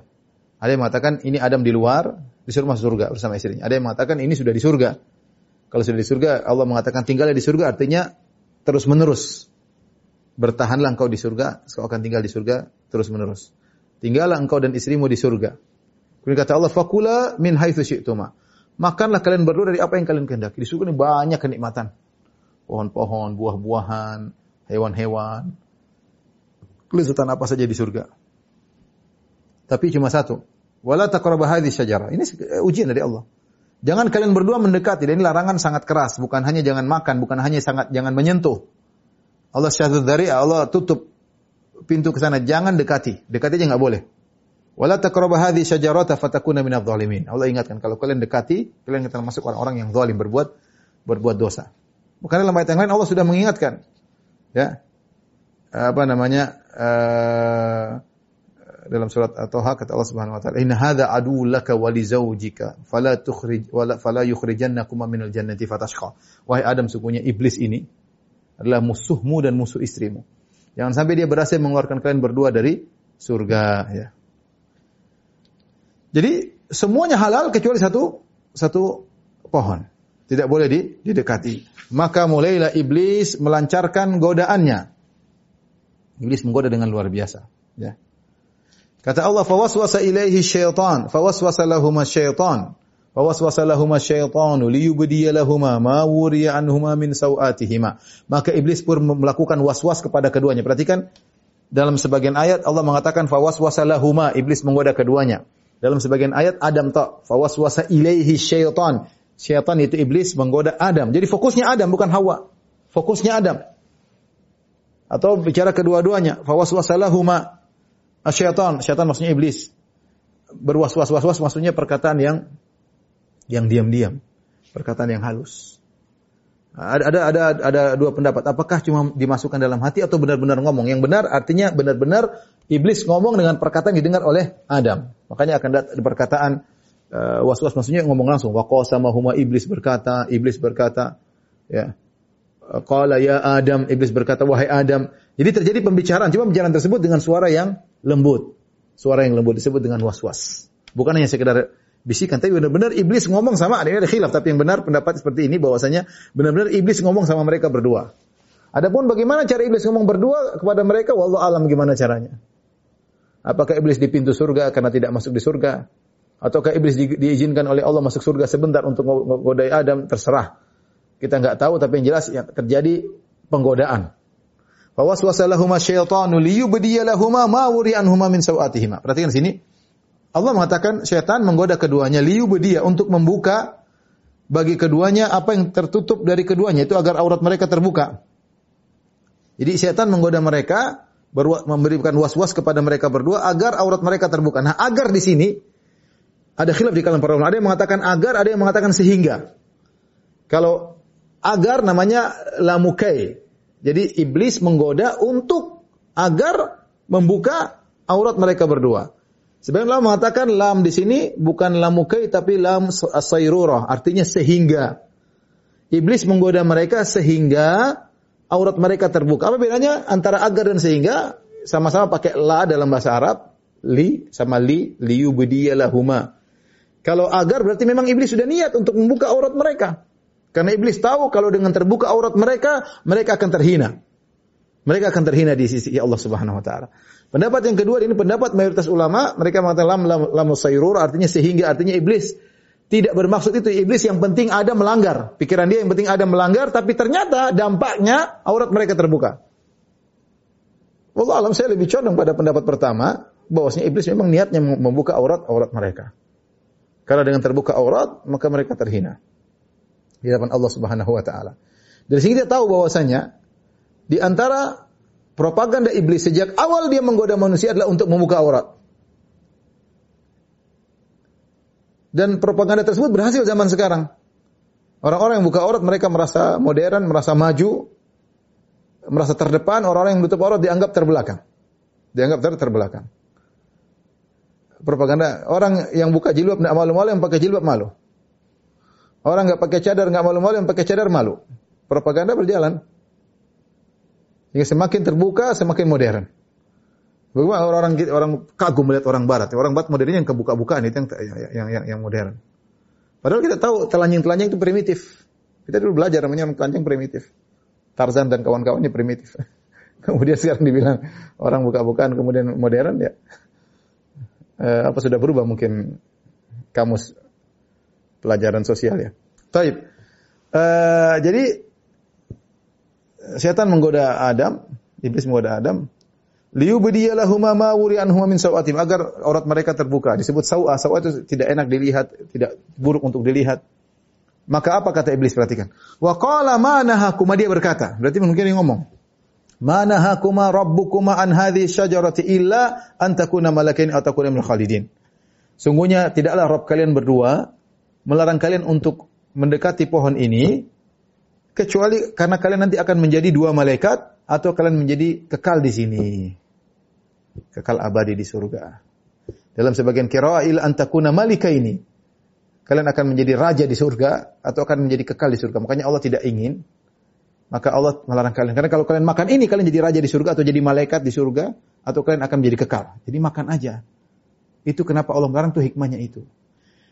Di sini kata para ulama seperti kata Ibnu Qayyim rahimahullah taala dalam kitabnya Ighathatul Lahfan. Perkataan indah. Dia mengatakan bahwasanya ah, iblis mengenali apa yang disukai oleh anak Adam. Dia mengenali titik poin yang disukai oleh anak Adam, dia goda dari sisi situ. Kita tahu bahwasanya manusia memiliki kecenderungan berbeda-beda. Muyul, kecenderungan berbeda. Yang suka ini, yang suka itu, suka ini. Nah, iblis menggoda dari sisi yang dia sukai. Adam ketika masuk surga, Allah tidak kabarkan kau hidup abadi atau tidak. Maka dia pingin nikmat di surga, dia pingin abadi dong. Iblis tahu di situ sisi situ yang Adam suka maka dia goda dari sisi itu dengan kebohongan tentunya.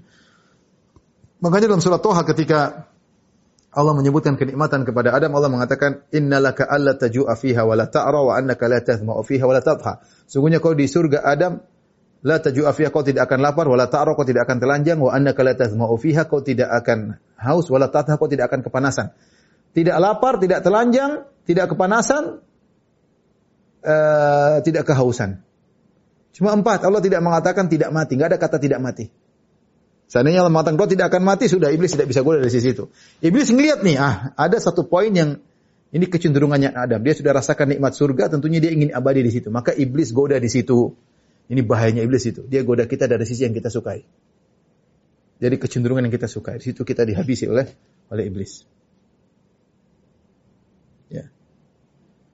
Dalam ayat yang ini mengatakan ya uh, syajaratul khuldi wa mulkil la yabla. Hal adulluka ala syajaratil khuldi.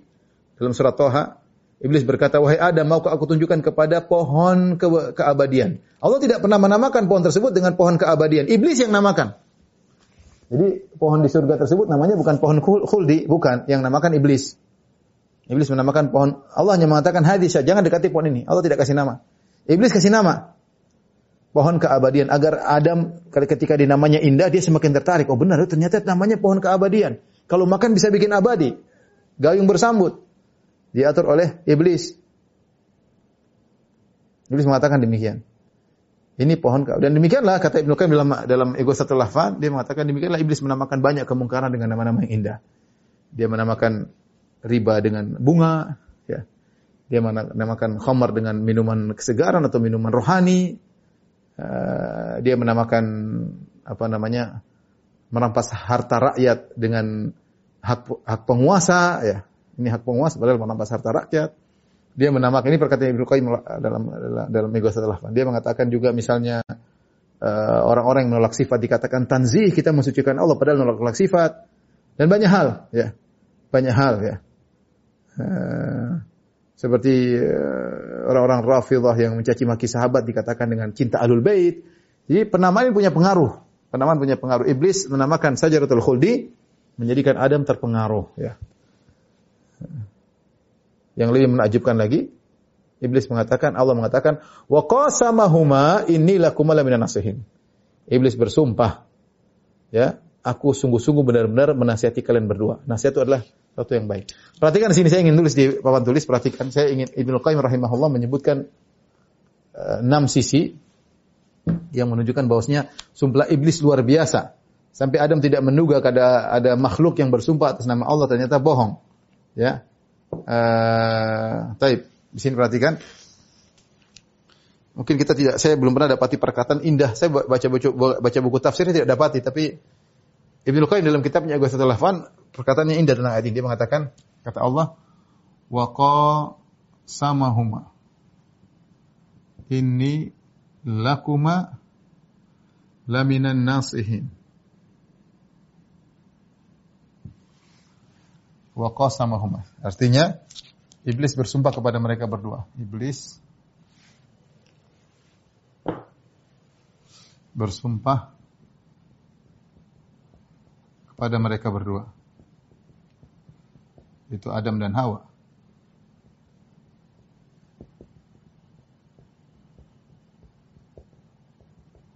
Ini sesungguhnya aku lihat ada nun taukid, nun taukid. Sehingga artinya sesungguhnya aku.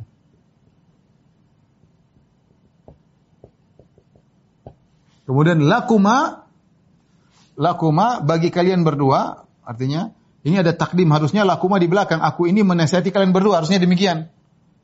Harusnya iblis berkata seharusnya susunan yang susunan yang biasa, susunan bahasa yang biasa, susunan yang biasa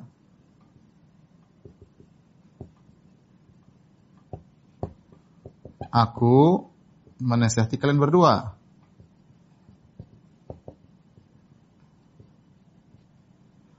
Tapi sekarang dibalik, dibalik, di, dirubah menjadi aku bagi kalian berdua penasehat. Seakan-akan iblis benar-benar hanya fokus kerjaannya hanya menasehati doang, menasehati mereka berdua aja, tidak ada kerjaan lain. Dia tidak sedang menasehati yang lain. Jadi menunjukkan iblis cinta sama mereka berdua.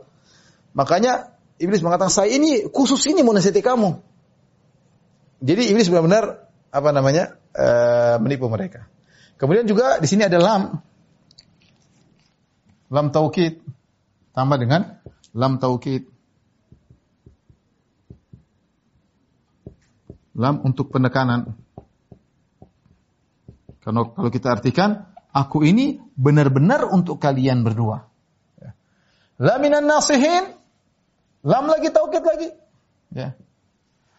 Uh, mohon maaf, ini bukan lam taukid, lam taukid yang ini, mohon maaf. Ini sudah cukup begini. Ini lam taukid di sini. Ini lakuma. Ini lakuma aku bagi kalian. Kemudian ada la, la minan nasihin. Sini lam taukid. Sungguh-sungguh benar-benar uh, aku ini benar-benar benar-benar menasihati kalian. Kemudian dia menggunakan isim fa'il.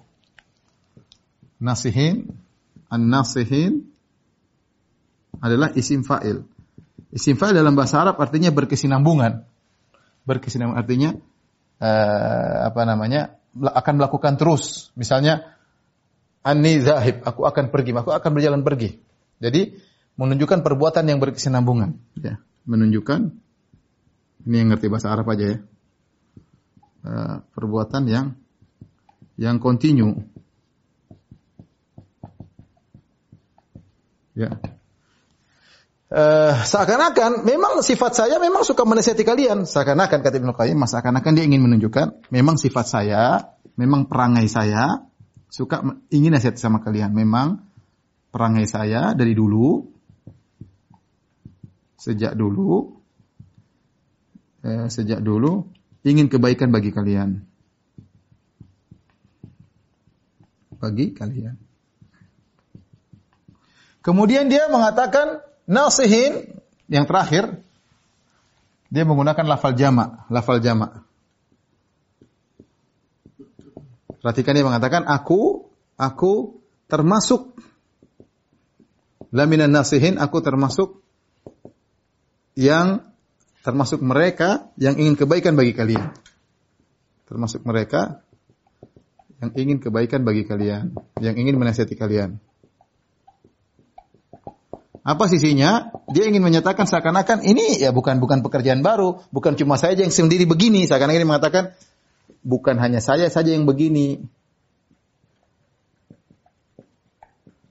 Saya saja yang ingin yang begini.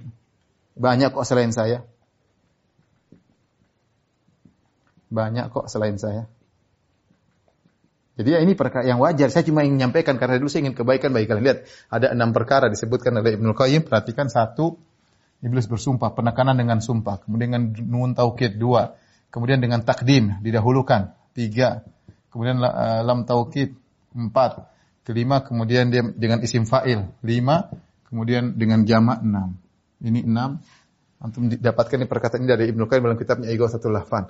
Untuk kita bisa gambarkan bagaimana hebatnya tipuan iblis. Ada mungkin tidak terpikir ada iblis sumpah dengan nama Allah dengan penekanan yang luar biasa sehingga Adam tergoda. Adam tergoda. Wajar karena dia baru pertama kali digoda dan godaannya langsung yang bos yang goda dan cara menggoda juga luar biasa. Ya. Tapi setelah itu Allah Subhanahu wa berfirman sebentar lagi ya. Fadallahuma bigurur. Kata Allah fadallahuma bigurur. Maka uh, iblis pun menjerumuskan mereka ya untuk memakan buah tersebut. Dalla dari tadliyah. Kalau kita baca sebagian kamus tadliyah maksudnya uh, apa namanya? yadli bidalwin atau yadlu yadli ya yadli bidalwin yaitu seperti orang yang menurunkan timba di sumur pelan-pelan kemudian diangkat pelan-pelan. Jadi maksudnya Uh, maksudnya iblis menggodanya dengan begitu halus, dengan was-was, dengan suara yang halus. Tidak, tidak, eh, dam, dam, dam halus. Seakan-akan dia penasehat. Pokoknya dia sampaikan halus pelan-pelan. Seakan-akan orang sedang menurunkan timba pelan-pelan, kemudian diangkat pelan-pelan, ya. Seperti itu, ya. Dengan birifq, dengan lembut, agar Adam tergoda. Fadallahuma bigur. Ternyata penipuan. Hanya menipu Adam. Semuanya tipuan, sumpahnya, semua ini omong kosong. Ya. Falamma dzaqa syajarata, akhirnya Adam dan Hawa makan makan buah tersebut badatlah huma sawatuhuma maka nampaklah aurat mereka berdua mereka langsung malu dan ini adalah fitrah manusia sejak awal malu kalau auratnya terbuka wa tafiqa yakhsifani alaihim warikal jannah maka mulailah mereka menutup aurat dengan apa yang di situ diambil daun-daun menutup kemaluan apa kemaluan mereka wa nadahuma rabbuhuma alam an hukuma antil kuma sajaru aqul lakum inna syaitan lakum adu mubin maka Rabb mereka menyuruh kepada mereka berdua, bukankah aku telah melarang kalian berdua dari pohon itu? Dan aku sudah katakan kepada kalian berdua, sungguhnya syaitan adalah musuh yang nyata bagi kalian berdua. Kita sampai di sini dulu. Nanti insya Allah kita lanjutkan ayat 22 akan kita ulang lagi. Ya, ketika Allah akhirnya menegur Adam dan Hawa. Tapi intinya yang saya sampaikan di sini bahwasanya uh, yang digoda dua-duanya Adam dan Hawa. Bahkan fokusnya iblis menggoda Adam. Kemudian yang makan dua-duanya. Makan dua-duanya adalah Adam dan Hawa sekaligus makan barang. Ya.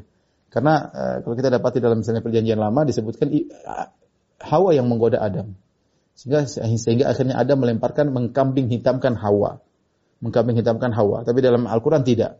Adam tidak mengkambingkan Hawa dan Allah tidak menyadarkan kesalahan kepada Hawa, tapi Allah menyadarkan kesalahan kepada dua-duanya sekaligus. Mereka sama-sama melanggar, mereka sama-sama melanggar ya. Mereka sama-sama uh, melanggar. Taruhlah misalnya Hawa yang merayu, tidak ada dalil yang tegas dalam hal ini. Toh Adam pun nurut. Intinya intinya sama-sama melanggar sehingga kesalahan dilemparkan kepada keduanya dalam versi Islam. Beda dengan kalau kita baca perjanjian lama, Hawa yang salah, kemudian Adam mengkambing Hawa dan itu sebagian diprotes oleh sebagian wanita kenapa kita yang dikambing hitamkan. Yang dalam Islam tidak dua-duanya melakukan kesalahan. Ya. Allah taala bisawab demikian saja kajian kita. Insya Allah kita lanjutkan pada kesempatan yang lain uh, kepada para jamaah Masjid Al Ikhlas Duku Bima. Insya Allah mudah-mudahan kita bisa bertemu di bulan Ramadan.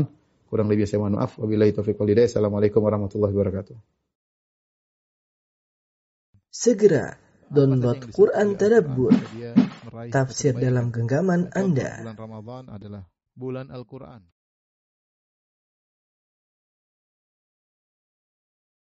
Bismillahirrahmanirrahim. Assalamualaikum warahmatullahi wabarakatuh. Alhamdulillahi ala ihsanih wa syukru lahu ala taufiqihi wa amtinani wa asyhadu an la ilaha illallah wahdahu la syarika lahu ta'ziman li sya'nih wa asyhadu anna Muhammadan abduhu wa rasuluhu da'ila ridwani. Allahumma salli alaihi wa ala alihi wa ashabihi wa ikhwani para jamaah Masjid Al-Ikhlas Duku Bima Bekasi yang dirahmati oleh Allah Subhanahu wa taala. Demikian juga para pemirsa yang dirahmati oleh Allah Subhanahu wa taala, kita melanjutkan pembahasan kita dari uh, surat Al-A'raf. Kita kemarin berhenti pertemuan terakhir berhenti pada ayat ke-22 dan masih belum selesai ya. Uh, kita bacakan kembali fadallahuma bi ghurur, setan pun menggoda Eh, mereka berdua yaitu Adam dan Hawa yaitu iblis menggoda mereka berdua. Falamma dzaqa syajarata badat lahuma sawatuhuma. Tatkala mereka berdua uh, merasai buah dari pohon tersebut uh, badat lahuma sawatuhuma. Maka nampaklah uh, aurat mereka berdua. Wa tafiqa yakhsifani alaihima mi waraqil jannah. Maka mereka berdua mulai menutupi aurat mereka dengan daun-daun yang ada di surga Eh, wanadahuma rabbuhuma alam anhakuma maka akhirnya Allah Subhanahu wa taala memanggil mereka berdua. Alam anhakuma antilkuma syajarah. Bukankah aku telah melarang kalian berdua dari pohon tersebut? Wa aqul lakuma inna syaitana lakuma aduwwum mubin. Dan aku telah menyampaikan kepada kalian berdua bahwasanya setan adalah musuh yang nyata bagi kalian berdua. uh, ketika uh, Adam apa namanya Eh, digoda oleh iblis. Bagaimana kita sebutkan dengan berbagai macam trik ya. Uh, sumpahnya ya. Uh, kemudian ada menamakan pohon tersebut dengan pohon keabadian. Padahal pohon tersebut tidak bernama syajaratul khuld itu syaitan yang menamakan dengan nama tersebut. Dan iblis menghiasi kemaksiatan bagi Adam dan Hawa ya. Padahal kita tahu di di surga tersebut banyak sekali pohon, banyak sekali kenikmatan, banyak sekali makanan ya. Bukan cuma buah-buahan, banyak sekali makanan. Kalau buah-buahan pun banyak sekali pohon. Tetapi uh, semua yang halal tersebut uh, ditinggal oleh Adam dan Adam menuju pada yang haram. Dan demikianlah uh, iblis telah bersumpah la uzayyina la uzayyinanna lahum fil ardi. Sebagaimana dalam surat Al-Hijr, sungguh aku akan menghiasi kemaksiatan uh, di bumi yaitu bagi eh, anak-anak Adam. Sebagaimana iblis telah menghiasi maksiat bagi Adam. Makanya ini berlanjut, trik iblis ini berlanjut sampai kita di dunia. Betapa banyak perkara yang halal, tetapi eh, iblis menjadikan seorang tergoda pada yang yang yang, haram. Ya, akhirnya minum khamar. Padahal yang lezat yang selain khamar banyak dan banyak beraneka ragam ya. Uh, dan demikian ya sehingga terkadang seorang tertarik pada perkara yang uh, yang haram ya padahal yang halal yang halal uh, banyak. Uh, kemudian juga uh, iblis mengetahui titik kelemahan uh, manusia di mana daya, di mana kecenderungan dia sebagaimana sudah kita jelaskan.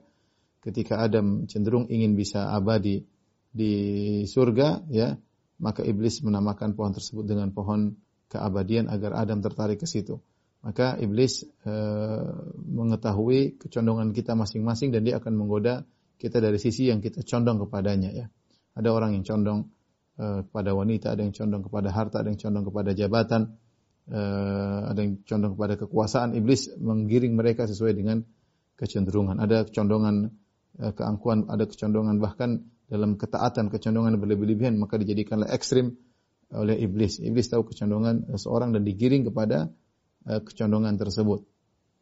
Eh, di sini ketika ketika Adam bermaksiat maka kemudian tampaklah aurat mereka berdua Adam dan Hawa. Akhirnya mereka malu dan mereka menutupi aurat mereka dengan daun-daun uh, yang ada di di uh, pohon tersebut. Oleh karenanya uh, sepertinya Allah Subhanahu wa taala sebagaimana perkataan Al-Qurtubi rahimahullahu taala bahwasanya Allah telah memerintahkan Adam dan Hawa untuk menutup aurat.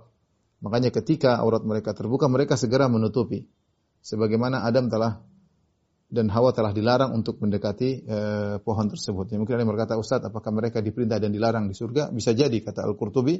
Bisa jadi sebagaimana mereka dilarang untuk mendekati pohon tersebut, mereka juga diperintahkan untuk menutup aurat. Ketika aurat mereka terbuka, mereka segera berusaha untuk menutup uh, aurat. Dan ini menunjukkan kata Al-Qurtubi wa fil ayat dalilun ala kubhi kashfil aurah. Ya, pada ayat tersebut menunjukkan tentang buruknya membuka aurat, buruknya membuka aurat.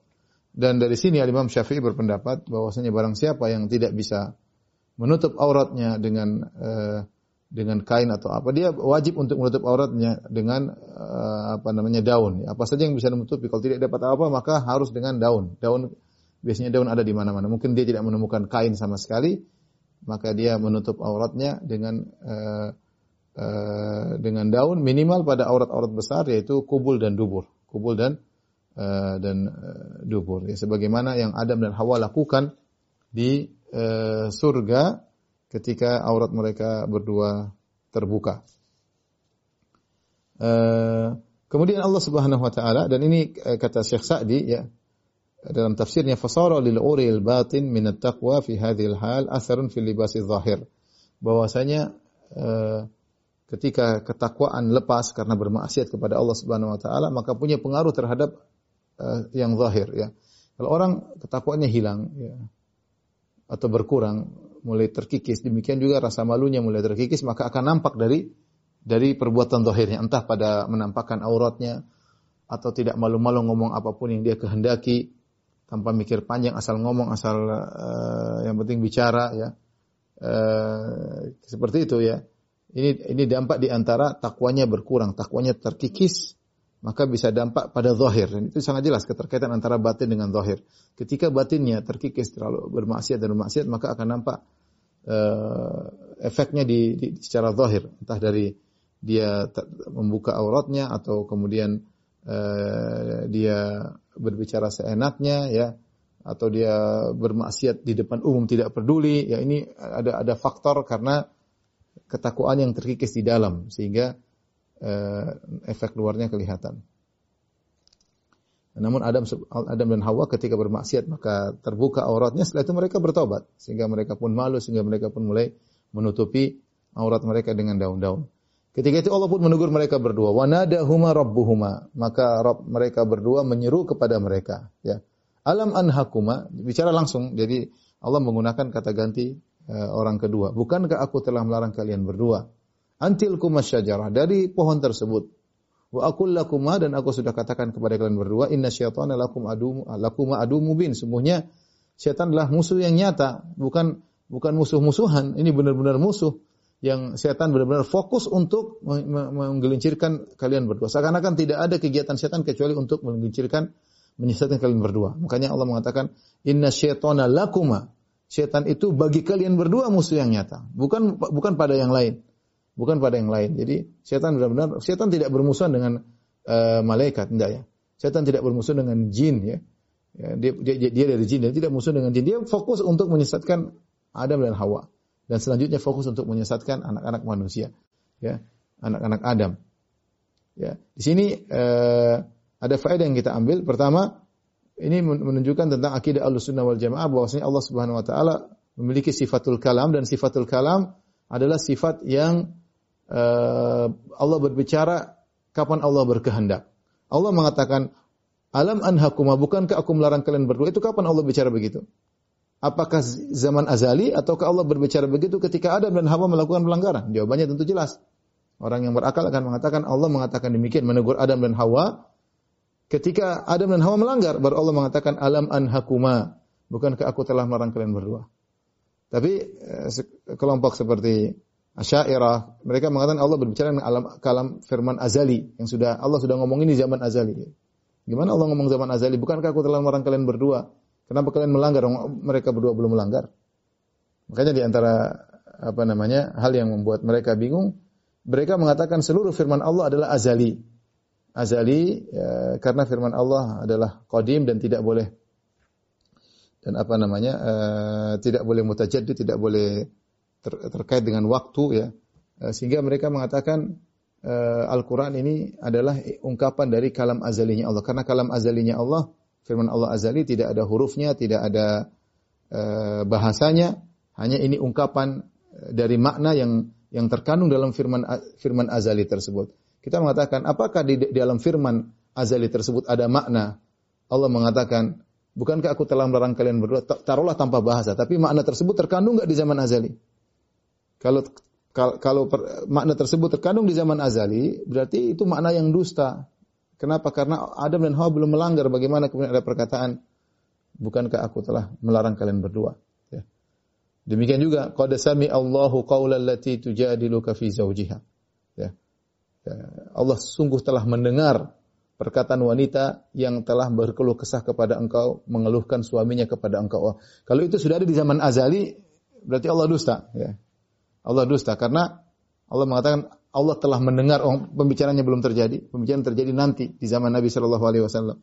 Intinya sekedar saya ingatkan bahwasanya akidah Ahlussunnah adalah akidah yang simpel yang mudah. Allah Subhanahu wa taala Maha berbicara sejak Allah ada. Sifat Maha berbicara Allah sudah ada sejak azali, tapi kapan Allah berbicara terserah Allah Subhanahu wa taala. Ya.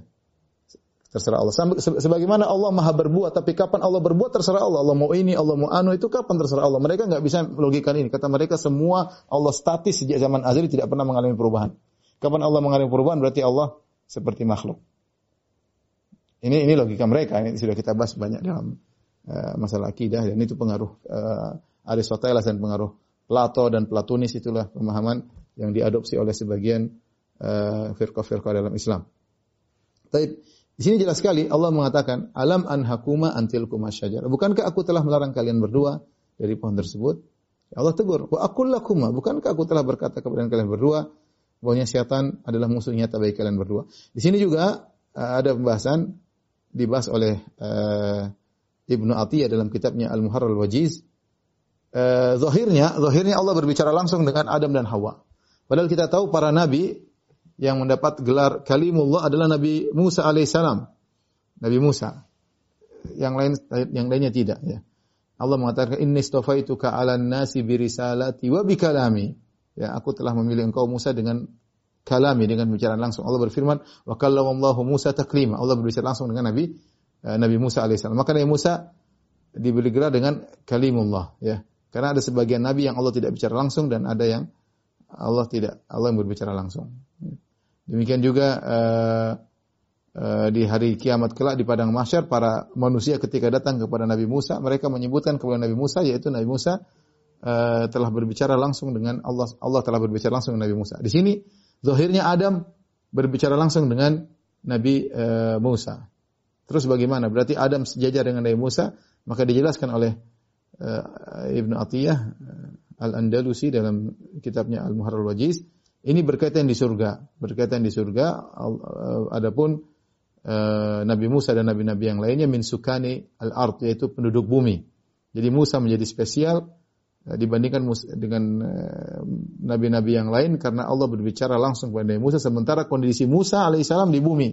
Adapun Adam di surga jadi berbeda berbeda kondisinya, berbeda kondisinya. Adam Allah berbicara langsung tapi kondisinya di di di surga. Adapun Musa tetap dia menjadi spesial karena dia satu-satunya uh, nabi yang terpilih untuk Allah ajak bicara langsung. Allah alam bisawab. Taib, uh, kemudian akhirnya mereka berdua Adam dan Hawa nenek moyang kita ya uh, bertobat. Qala Rabbana zalamna anfusana. Mereka berdua berkata, Rabbana zalamna anfusana. Ya Rabb kami, sungguhnya kami telah menzalimi diri-diri kami. Wa illam taghfir lana wa tarhamna, kalau engkau tidak kalau engkau tidak mengampuni kami dan memberi rahmat kepada kami lanakunanna minal khasirin sungguh kami termasuk orang-orang yang yang merugi Inilah Adam alaihissalam ketika dia melakukan kesalahan, dia langsung bertobat kepada Allah Subhanahu wa taala. Dan ini dalil bahwasanya uh, uh, dalil bahwasanya uh, para nabi bisa terjerumus dalam dosa kecil.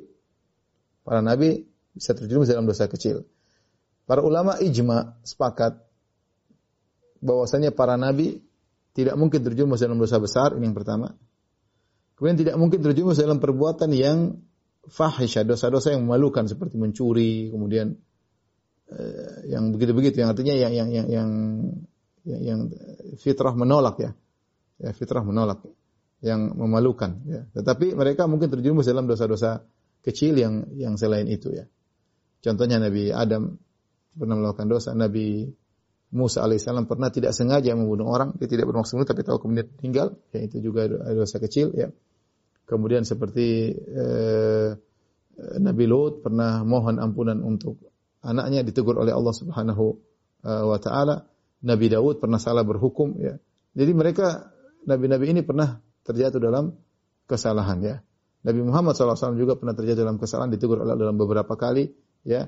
Ini menunjukkan para nabi eh, mereka maksum dari sisi eh, dua hal. Pertama maksum dari hal penyampaian risalah nggak mungkin wahyu yang disampaikan oleh para nabi keliru itu mustahil.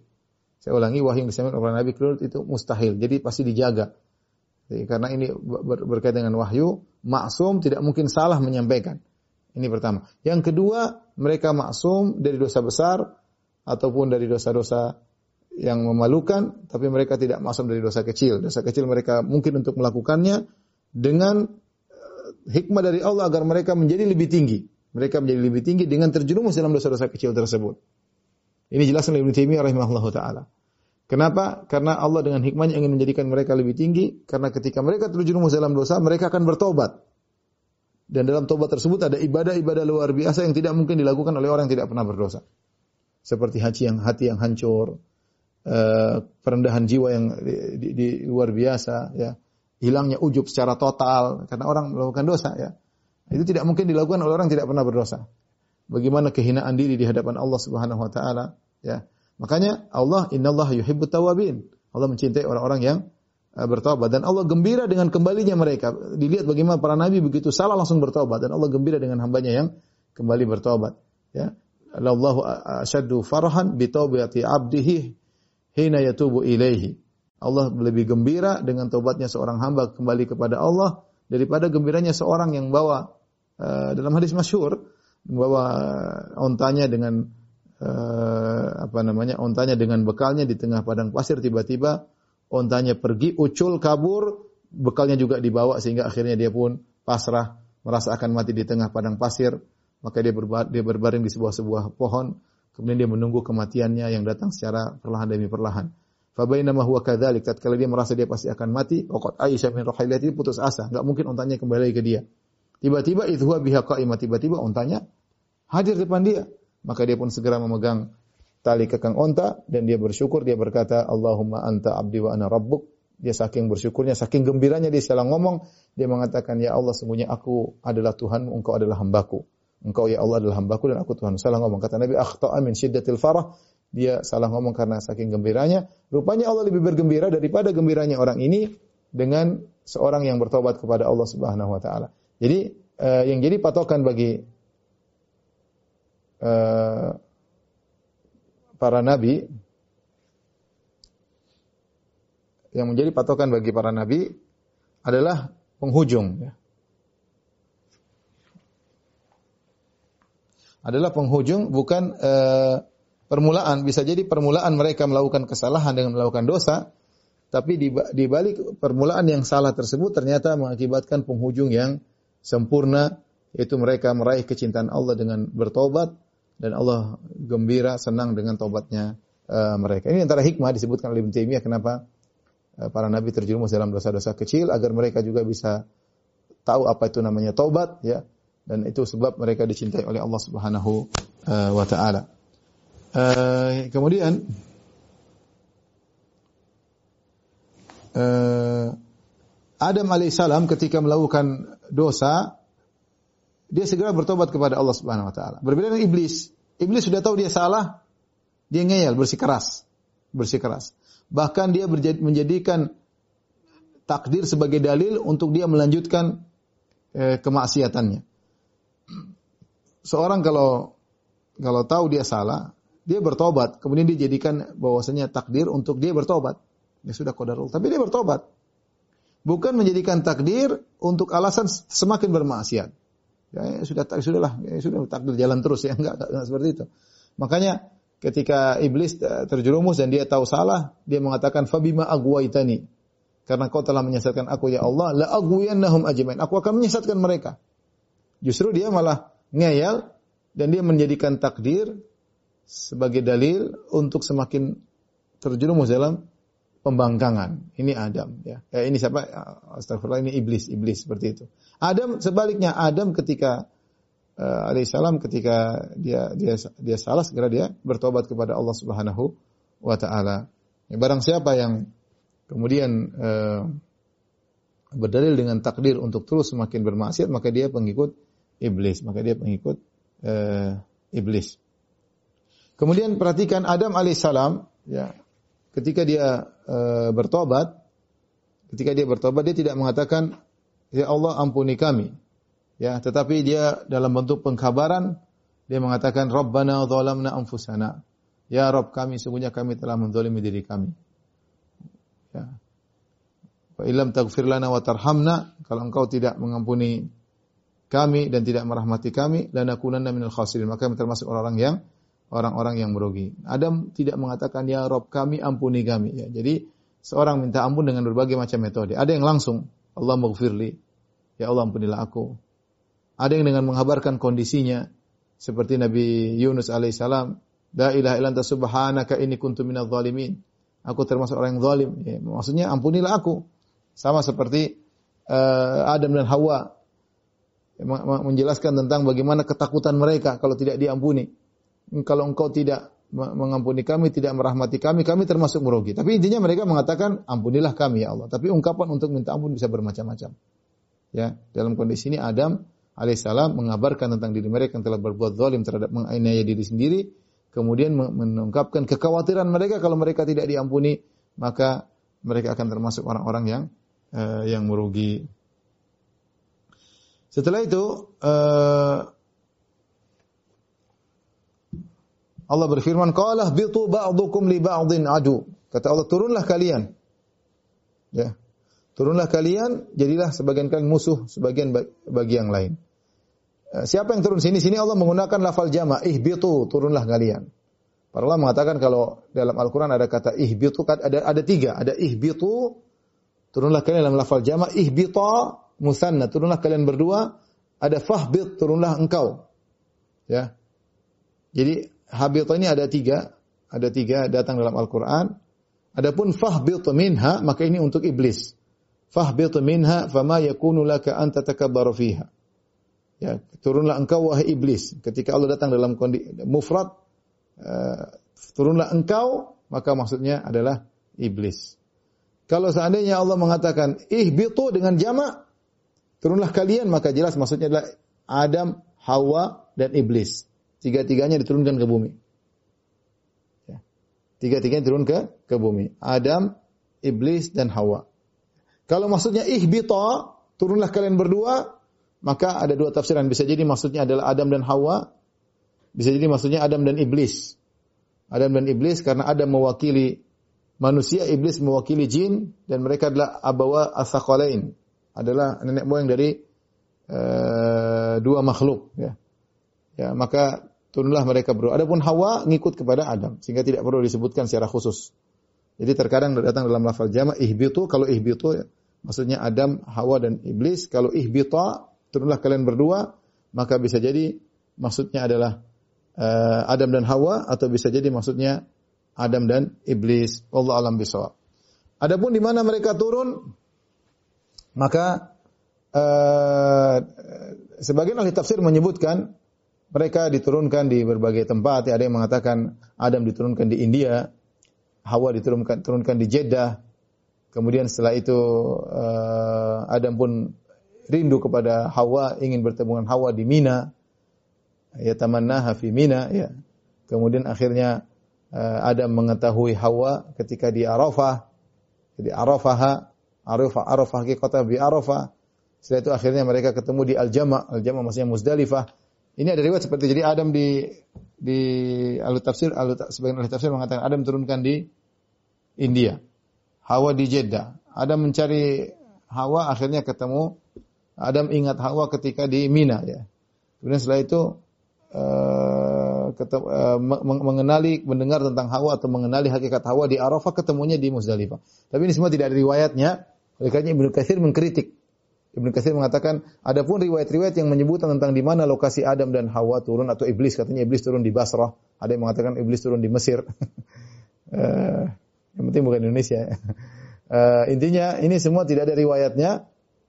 Ini semuanya Israiliyat kata Ibnu Katsir dan kritikal Ibnu Katsir dan itu tidak penting untuk kita ketahui. Seandainya itu penting untuk diketahui tentu Allah akan sebutkan dalam Al-Qur'anul Karim. Dan itu metode Ibnu Katsir.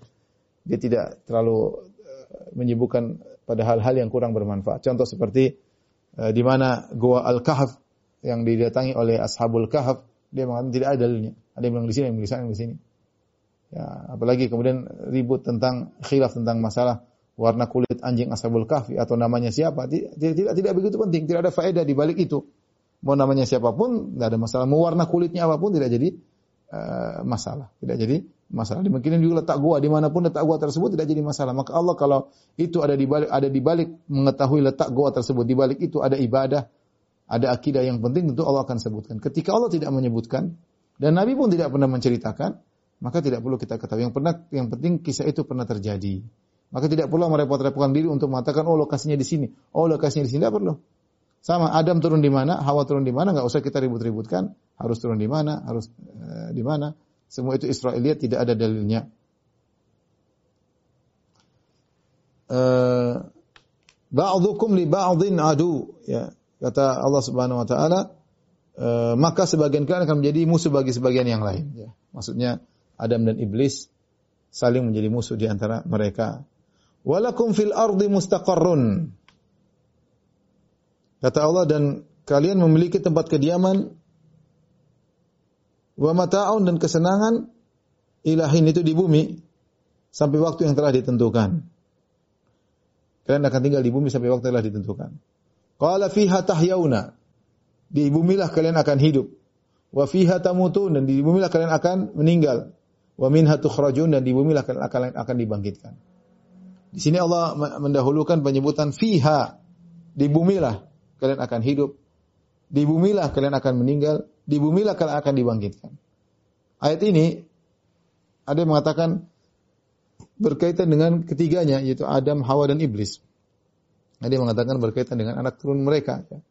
Bahwasanya Adam dan Hawa demikian juga Iblis keturunan mereka uh, akan tinggal di di bumi dan tidak ada tempat lain.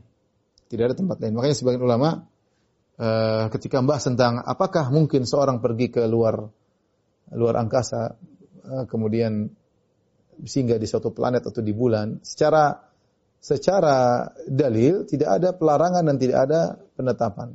Al-Quran tidak membahas hal tersebut. Apakah bisa sampai ke Mars atau bisa sampai ke bulan atau bisa sampai ke Pluto atau bisa sampai ke matahari ya. yang panas seperti itu ya. Tidak ada pembahasan ya.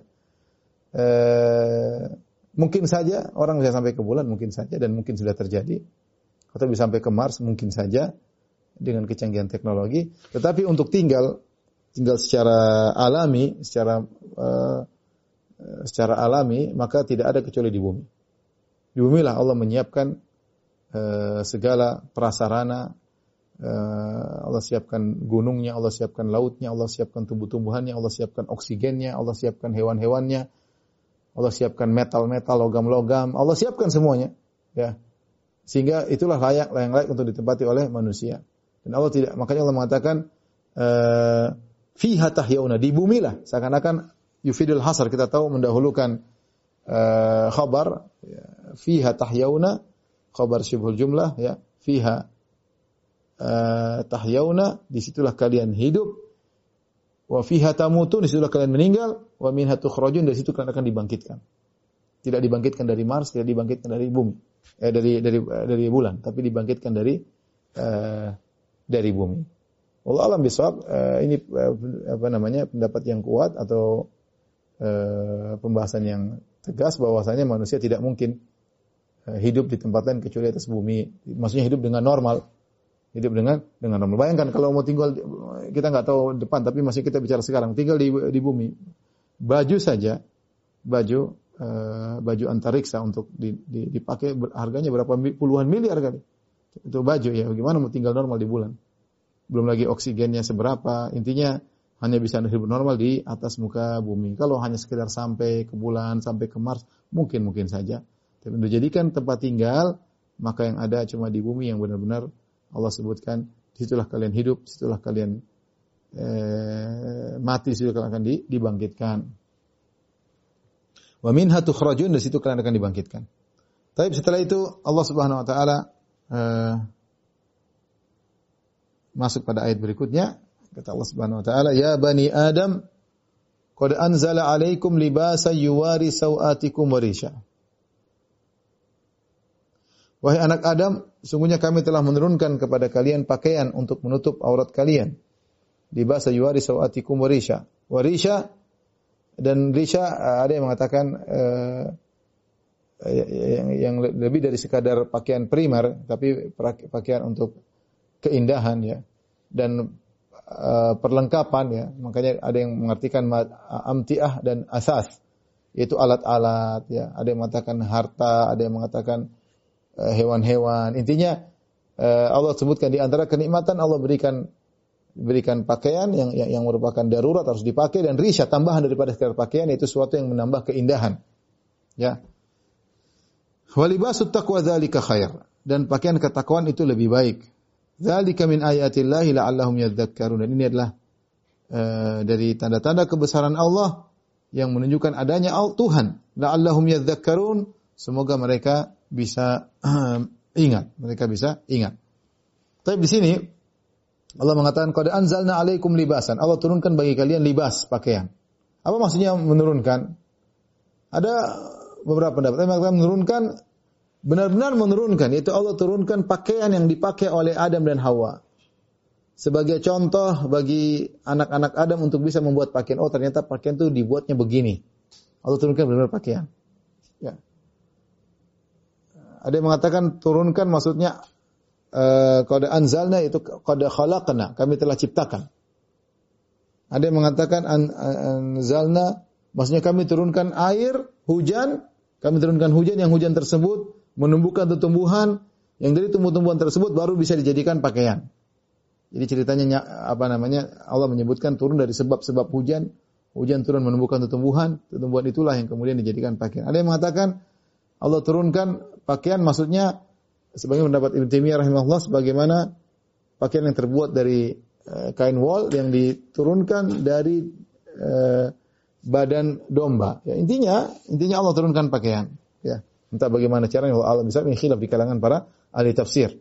Tujuan pakaian tersebut yuwari sawatikum warisha untuk menutup aurat kalian. Dan Allah bukan hanya menurunkan pakaian tapi Allah menurunkan keindahan yang lain. Pakaian yang lain lebih indah, kemudian perlengkapan ya perlengkapan bagi manusia untuk uh, memenuhi kebutuhan kehidupan mereka ya uh, di sini seakan-akan isyarat dari Allah untuk menyindir orang-orang musyrikin yang mereka ketika itu melakukan bid'ah dalam tawaf orang musyrikin kalau mereka tawaf uh, mereka harus pakai baju baru ya kalau tidak ada baju baru, mereka pinjam dari al-hums, dari orang-orang Quraisy. Kalau orang Quraisy tidak kasih pinjam baju, mereka tawaf dalam kondisi telanjang. Ketika mereka tawaf dalam kondisi telanjang, mereka berkata, kami tawaf sebagaimana kami pertama kali diciptakan. Diciptakan keluar dari perut ibu dalam kondisi telanjang, kami ingin tawaf dalam kondisi demikian. Atau mereka mengatakan kami tidak pantas tawaf dengan baju yang pernah kami uh, kotori dengan dosa. Setiap pakai baju pasti kasih melakukan dosa. Kalau gitu kalau tawaf berhadapan dengan Allah jangan pakai pakaian yang ada dosanya, maka mereka buang pakaian mereka, mereka tawaf telanjang. Ini bid'ah. Bid'ah yang mereka lakukan dalam tawaf. Ya. Tawaf dengan telanjang dengan niat baik. Kalau kita lihat niatnya, niatnya baik. Niatnya agar mereka bisa mengingat bahwasanya mereka diciptakan oleh Allah sehingga tawaf dalam kondisi mereka bagaimana kita dilahirkan dalam kondisi telanjang, menunjukkan kerendahan di hadapan Allah, penghormatan terhadap Allah. Pikiran mereka begitu. Atau mereka mengatakan kami tidak pantas untuk tawaf di hadapan Allah jika memakai pakaian yang pernah kami gunakan untuk maksiat. Ya. Maka Allah sindir, Allah ingin jelaskan bahwasanya pakaian itu adalah salah satu daripada karunia Allah. Ya Bani Adam qad anzalna alaikum libasan. Wahai anak Adam, kami turunkan. Itu kami beri anugerah kepada engkau dengan pakaian. Pakaian itu anugerah. Yuwari sawatikum di antara anugerah Allah seorang memiliki rasa malu untuk menutup aurat mereka. Ya, dan ini ini fitrah. Semua orang malu membuka aurat kecuali fitrahnya sudah rusak, dirusak oleh setan. Dihiasi oleh setan sehingga orang tidak pakai pakaian sama sekali menganggap itu sesuatu yang biasa. Asalnya manusia pasti punya rasa malu. Ya. Warisha dan tadi eh, ada perlengkapan-perlengkapan yang Allah turunkan juga bagi manusia. Setelah itu Allah mengatakan walibasu taqwa dzalika khair dan pakaian ketakwaan itu lebih baik. Kata Syekh Sa'di rahimahullahu taala Allah ingin mengingatkan bahwasanya pakaian yang Allah turunkan, perlengkapan yang Allah turunkan itu bukan tujuan utama. Tujuan utama Allah turunkan itu semua agar kalian bisa beribadah kepada Allah dengan sebaik-baiknya. Ya, sehingga Allah ingatkan walibasu taqwa dzalika khair. Libas pakaian ketakwaan itu lebih lebih baik. Jangan kalian tersibukkan dengan dengan pakaian-pakaian duniawi, dengan perlengkapan duniawi sehingga kalian lupa bahwasanya pakaian utama yang harus kalian perhatikan adalah ketakwaan. Ketakwaan. Itu yang harus kalian eh, perhatikan. Sebagian orang fokus pada pakaian duniawi, dia lupa bahwasanya harus ada pakaian ketakwaan yang harus dia eh, perhatikan. Allah Subhanahu wa taala mengatakan walibasu taqwa dzalika khair pakaian ketakwaan itu lebih baik ya karena uh, sebagaimana dijelaskan oleh Syekh Sa'di rahimahullah taala dia mengatakan kalau pakaian zahir hanya menutupi sesuatu yang zahir menutupi sesuatu yang eh, yang zahir kalaupun terbuka paling malu ya ya dan tidak berakibat apa-apa ya. Ya bahkan kalau apa namanya dalam kondisi darurat orang telanjang tidak jadi masalah ya tetapi kalau pakaian ketakwaan dia menutup batin seseorang dia menutup batin seseorang yang kalau pakaian ketakwaan dicabut, maka terbukalah aurat batinnya dan dia akan mendapatkan kebinasaan di di akhirat ya. Ya, akan mendapatkan kebinasaan dia. Kalau pakaian sudah ketakwaan sudah dicabut dari Allah, maka dia akan bebas melakukan apa yang dia kehendaki dan akan mengakibatkan kehinaan baginya di dunia terlebih lagi di akhirat. Dari sini kita tahu pakaian ketakwaan lebih utama daripada pakaian zahir. Maka konsenlah engkau kepada pakaian ketakwaan. Dan di antara faedah Allah menamakan libas. Libas sesuatu yang selalu dipakai, libas ya dipakai ya. Makanya uh, seorang apa namanya uh, dikatakan uh, malam adalah libasan karena malam seakan-akan menyelimuti menyelimuti seseorang. Uh, kemudian dikatakan juga wanita huna libasul lakum, wanita adalah pakaian bagi kalian ya. Itu seorang laki tentram dengan wanita ya di dekapnya wanita tersebut ya maka ketakwaan pun demikian. Ketakwaan pun harusnya meliputi tubuh kita. Allah menemukan Allah menambahkan dengan pakaian ketakwaan. Hendaknya pakaian tersebut tidak dilepas dan hanya pakaian tersebut dibawa ke mana-mana yang menutupi aurat batinnya. Aurat batinnya. Makanya Rasulullah mengatakan ittaqillah haitsu makunt, bertakwalah di mana pun engkau berada dan kapan pun, di mana pun dan kapan pun. Ya. Seorang bertakwa seakan-akan pakaian ketakwaan tersebut meliputi sekujur tubuhnya dia bertakwa pada lisannya, dia bertakwa pada pandangannya, dia bertakwa pada uh, pendengarannya, dia bertakwa pada tulisannya, dia bertakwa pada komentarnya, seakan-akan pakaian tersebut meliputi seluruh tubuhnya dan dia bertakwa di mana pun dia berada. Dzalika min ayatillahi la'allahum yadhakkarun dan inilah bagian daripada tanda-tanda kebesaran Allah. Allah menurunkan pakaian uh, bagi uh, kalian ya. Taib. Setelah itu Allah Subhanahu wa taala berfirman mengingatkan anak-anak Adam, "Ya bani Adam, la yaftinannakum syaitanu kama akhraja abawaykum minal jannah." Wahai anak-anak Adam, janganlah sekali-sekali kalian ditipu oleh syaitan, oleh iblis, sebagaimana ia telah mengeluarkan kedua kama akhraja abawaykum minal jannah, sebagaimana iblis telah berhasil mengeluarkan nenek moyang kalian berdua itu Adam dan Hawa dari surga yanzi'u anhuma libasahuma di mana iblis telah melepas pakaian keduanya liyuriyahuma sawatihima untuk memperlihatkan kepada mereka berdua aurat mereka berdua. Innahu yarakum huwa wa qabiluhu min haitsu la tarawnahum. Sungguhnya setan dan pasukannya melihat kalian dari arah di mana kalian tidak bisa melihat mereka. Inna ja'alna syayatina awliya'a lil ladzina la yu'minun. kami menjadikan setan-setan sebagai wali-wali bagi orang-orang yang tidak beriman. Setelah Allah menyebutkan tentang kisah permusuhan Adam dan Hawa dan akibatnya Adam dan Hawa turun dari permusuhan Adam dan Hawa dengan iblis, akhirnya Adam dan Hawa turun dari surga menuju bumi, maka Allah ingatkan kita sebagai anak-anak Adam.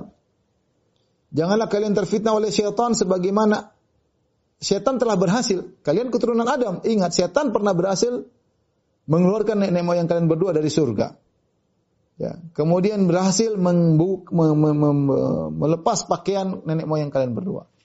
Ya. Uh, iblis ingin orang-orang membuka aurat. Karena kalau orang sudah buka aurat, mereka jadi hina. Mereka jadi hina, menjadi rendahan. Ya, seperti hewan, ya. Tidak punya rasa malu, rasa malu dicabut. Ya. Fitrah rusak. Ya, iblis maunya itu di antara propaganda iblis. Banyak orang tidak sadar ya.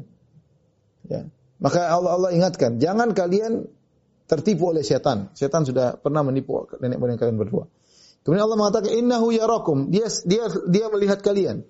Kata Syekh Sa'di yaitu uh, daimul muraqabah, senantiasa mengawasi kalian. Iblis dan pasukannya mengawasi kita. Jadi selalu kita nih mereka tidak pernah capek mengawasi kita. Lagi ngapain? Kapan saatnya digoda? Ya, kapan saatnya dibisik-bisikin?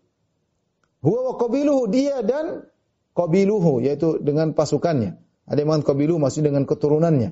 Intinya setan tidak sendiri dia punya anak buah. Dan anak buahnya sabar untuk mengawasi kita. Kapan kita lagi di, bersafar, kapan lagi kita lagi sendirian, kapan kita lagi di kamar, kapan lagi di hotel, eh, kapan lagi di mana. Dia mengawasi, dia mencari celah untuk segera digoda dengan bisik-bisikan dalam hati. Ya, bisik-bisikan dalam dalam hati, memperhias, memperindah kemaksiatan. Ya, sehingga akhirnya eh, orang pun tergoda dan melakukannya. Jadi setan eh, apa namanya murok apa eh, muraqabatu daim, senantiasa muraqabah. Senantiasa mengawasi dan juga anak buahnya demikian. Min taranauhum, mereka mengawasi kalian dari sisi kalian tidak bisa melihat mereka. Sehingga sebagian ulama mengatakan tidak ada yang bisa melihat setan dalam bentuk aslinya. Setan bisa menjelma, ya tasyak kali bisa menjelma. Ya, menjelma menjadi manusia. Sebagaimana Abu Hurairah pernah menangkap setan ketika mencuri harta sedekah. Tapi dalam bentuk manusia. Adapun bentuk aslinya tidak mungkin di, tidak dimungkin dilihat. Kata kata kata sebagian ulama berdasarkan ayat ini, min haitsu la tarawnahum. Mereka menggoda kalian dari mana kalian tidak bisa melihat mereka. Seperti Allah ingatkan, Inna ja'alna syayatina awliya lilladzina la yu'minun. Kami jadikan setan-setan sebagai wali-wali, penolong-penolong bagi orang-orang yang tidak beriman. Semakin orang tidak beriman, dia semakin punya akad keterikatan dengan dengan syaitan, dengan syaitan. Uh, huwa wa qabiluhu ada dua pendapat. Sungguhnya setan senantiasa mengawasi kalian, setan dan qabiluhu dan qabilnya. Apa maksudnya qabilnya? Ada yang mengatakan pasukannya, ada yang keturunannya. Ya, dua-dua pendapat. Kemudian Allah berfirman, "Wa idza fa'alu fahishatan qalu wajadna 'alaiha aba'ana." Jika mereka melakukan perbuatan keji, maksudnya orang musyrikin, mereka melakukan perbuatan keji. Dalam hal ini ditafsirkan oleh para ulama yaitu di tawaf telanjang. Perbuatan keji. Fahisyah, perbuatan keji, fahisyah maksudnya perbuatan yang ditolak oleh fitrah. Perbuatan memalukan ditolak oleh fitrah. Ya. Allah menamakan dengan fahisyah. Dan fahisyah ini banyak, seperti zina, seperti um, pelacur ya ini perbuatan keji ya uh, tidak pantas seperti membuka aurat ya, fitrah menolak orang mencela ini mau telanjang telanjang ngapain apa malukan makanya kalau fahisha disebut dengan perbuatan yang uh, fi muntahal kubah yaitu memalukan di ujung dari keburukan buruk sekali. Seperti zina tadi apa namanya uh, homo kemudian seperti uh, jadi pelacur, kemudian mencuri di antaranya, buka aurat di antaranya, ya. Bahkan Allah menamakan uh, uh, pelit bagi orang yang berada itu perbuatan yang tidak, tidak, sangat buruk ya. Ya. Ya Allah apa namanya? Uh, Allah menamakan fahisyah di antaranya pelit Allah menamakan dengan fahisyah perbuatan yang yang yang yang, buruk ya. Yang ditolak oleh fitrah orang kaya kok pelit. Kata mereka ketika mereka melakukan fahisyah, fahisyah di sini maksudnya tawaf telanjang, qalu wajadna 'alaiha aba'ana. Mereka berdalil dengan nenek moyang tradisi. Kami dapatin nenek moyang kami begini. Jadi jauh sebelum kau lahir Muhammad, nenek moyang kami sudah begini. Kalau mereka tawaf tidak dapat baju, mereka buka baju mereka, mereka tawaf telanjang. Kenapa? Lebih afdol. Dengan tawaf telanjang kita tidak tawaf sambil pakai baju maksiat yang pernah kita lakukan maksiat. Dan kita tawaf sebagaimana Allah ciptakan kami pertama kali keluar dari perut ibu, telanjang. dengan uh, dalil akal mereka, kata mereka wajadna 'alaiha abana. Kemudian mereka berbohong kata mereka wallahu amarana biha. Selain itu Allah telah perintahkan kami untuk begini. Berdalil dengan nenek moyang kemudian berdosa mengatakan Allah perintahkan kami. Maka Allah menyuruh untuk membantah mereka. Kul kul inna Allah la ya'muru bil fahsya. Katakanlah Allah tidak pernah menyuruh untuk perbuatan keji, tidak pernah. Tidak pernah Allah suruh perbuatan seperti ini. Buka aurat, tidak pernah. Ya. Atakuluna 'ala Allahi ma la ta'lamun. Apa kalian berani-berani berbicara tentang Allah tanpa ilmu? Kalian bohong atas nama Allah Subhanahu wa taala. Makanya Nabi SAW ketika mau hajian, Nabi sudah berhasil menaklukkan kota Mekah. Kota Mekah sudah menjadi uh, negeri Islam itu pada tahun 8 Hijriah. Tetapi Nabi baru berhijrah tahun 10 Hijriah. Kenapa?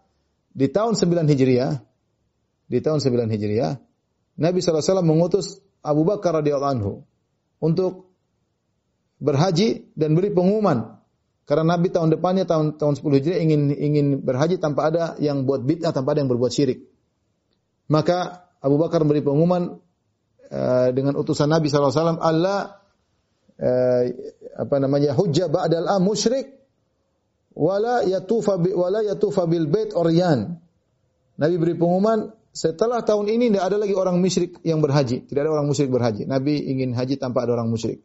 Dan tidak boleh ada orang yang tawaf telanjang setelah tahun ini. Setelah uh, Abu Bakar mengkondisikan pada tahun 9 Hijriah, baru tahun 10 Nabi berhaji pada tahun 10 Hijriah. Setelah dikondisikan oleh Abu Bakar tanpa ada kesyirikan, tanpa ada kebid'ahan yaitu tawaf orang yang telanjang. Maka ketika mereka mengatakan ini nenek tradisi nenek moyang kami dan mereka mengatakan Nabi tidak bantah ketika mereka mengatakan ini tradisi nenek moyang kami benar. Allah tidak bantah. Tapi ketika mereka mengatakan, Allahu amarana biha, Allah perintahkan kami, maka Allah bantah. Itu tidak benar. Qul inna Allah la ya, qul inna Allah la ya'muru bil fahsya. Katakan Allah tidak pernah memerintah pada perbuatan keji buka aurat, apalagi dalam ibadah telanjang. Ataquluna Allahi ma la ta'lamun? Ya, tidakkah kalian apa kalian berbicara tentang, nama Allah tanpa ilmu? Kemudian Allah suruh bantah lagi, "Qul amara rabbi bil qisti." Katakanlah yang Allah perintahkan kepadaku adalah dengan keadilan bil qisti. Tidak tidak fahisyah, tidak ekstrim, tidak ifrat, tidak tafrid, ya, tapi tengah-tengah adil. Ya. Ya orang yang tawaf telanjang itu enggak beres ya. Allah tidak mungkin perintahkan seperti itu. Ya, Allah tidak mungkin perintahkan seperti itu. Qul amara rabbi bil qisti. Katakanlah Muhammad kepada mereka, Allah menyuruh aku berbuat tidak yang tengah. Tidak mungkin Allah suruh berbuat salat eh, apa tawaf dalam kondisi telanjang wa aqimu wujuhakum inda kulli masjid. Maka uh, luruskanlah wajah kalian di setiap uh, masjid ya. Uh, luruskanlah wajah kalian di setiap di setiap salat, di setiap masjid ya. Uh, wa du'uhu mukhlishina lahuddin dan berdoalah kepada Allah dengan ikhlas. Kama bada'akum ta'udun. Sebagaimana Allah dia telah menciptakan kalian dari permulaan, maka demikianlah kalian akan kembali kepadanya. Kama bada'akum ta'udun, kalau kita artikan sebagaimana Allah memulai kalian, kalian akan kembali. Sebagaimana Allah memulai kalian, kalian akan kembali. Ada dua tafsiran di karangan ahli tafsir. Ada yang mengatakan bahwasanya maksudnya sebagaimana Allah ciptakan kalian dengan sudah mentakdirkan mana yang masuk surga, masuk neraka, ta'udun maka kalian akan kembali sesuai dengan takdir yang Allah ciptakan di awal, yang sudah Allah tentukan di awal. Ini tafsiran tapi tafsiran yang kurang kuat. Ya. Sehingga mereka mengkaitkan tentang mereka farikon hada farikon haqqu alaihim dhalalah. Makanya setelah itu Allah mengatakan sekelompok dapat hidayah, sekelompok sesat sesuai dengan takdir yang Allah takdirkan. Ya, kama bada akum sebagaimana Allah awali permulaan dengan mentakdirkan kalian ketika menciptakan sudah ditakdirkan, ta'udun kalian akan kembali sesuai dengan takdir tersebut, maka sebagian kelompok dapat hidayah, sebagian kelompok sesat. Ini pendapat pertama. Namun pendapat kurang kuat, pendapat yang lebih kuat pendapat dipilih oleh Ibnu Jarir At-Tabari bahwasanya yang dimaksud kama bada akum ta'udun yaitu sebagaimana Allah ciptakan kalian, Allah akan bangkitkan kalian. Karena konteks ini berkaitan dengan orang musyrikin yang mereka mengingkari hari kebangkitan. Mereka mengingkari hari kebangkitan dan ini pendapat yang dipilih oleh uh, Ibnu Jarir Tabari dipilih oleh Ibnu Qayyim rahimahullahu taala. Maksud ayat ini kama bada'akum ta'udun sebagaimana Allah menciptakan kalian, kalian akan dikembalikan. Akan dikembalikan, dibangkitkan dan kalian bertanggungjawabkan seluruh perbuatan kalian. Termasuk di antaranya kalian bertanggungjawabkan tawafnya kalian dalam kondisi telanjang. Itu akan kalian pertanggungjawabkan di hadapan Allah Subhanahu wa taala. Allah sebutkan fariqan hada wa fariqan haqqa alaihim dhalalah. Di antara mereka ada yang dapat hidayah, di antara manusia ada yang dapat hidayah dan di antara manusia ada yang ditetapkan kesesatan bagi mereka, ya. Innahum ittakhadhu syayatin awliya min dunillah. Orang-orang tetapkan sesat ini mereka mengambil setan sebagai wali-wali mereka, sebagai penolong-penolong mereka selain Allah. Wa yahsabuna annahum muhtadun dan mereka menyangka bahwasanya mereka di atas petunjuk, ya. Mereka menyangka mereka di atas petunjuk. Di sini Allah jelaskan orang-orang yang dapat yang disesatkan oleh Allah atau di atau tercatat sebagai orang sesat, mereka akan melakukan hal-hal yang menunjukkan kesesatan mereka, seperti mereka menjadikan setan sebagai wali-wali.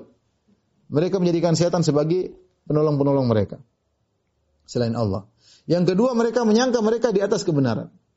Mereka menyangka mereka di atas kebenaran. Dan ini dalil bahwasanya banyak ahlul batil mereka di kebenaran. Mereka uh, kekeh mempertahankan padahal mereka di kebenaran. Coba lihat uh, penganut agama-agama yang lain. Ya.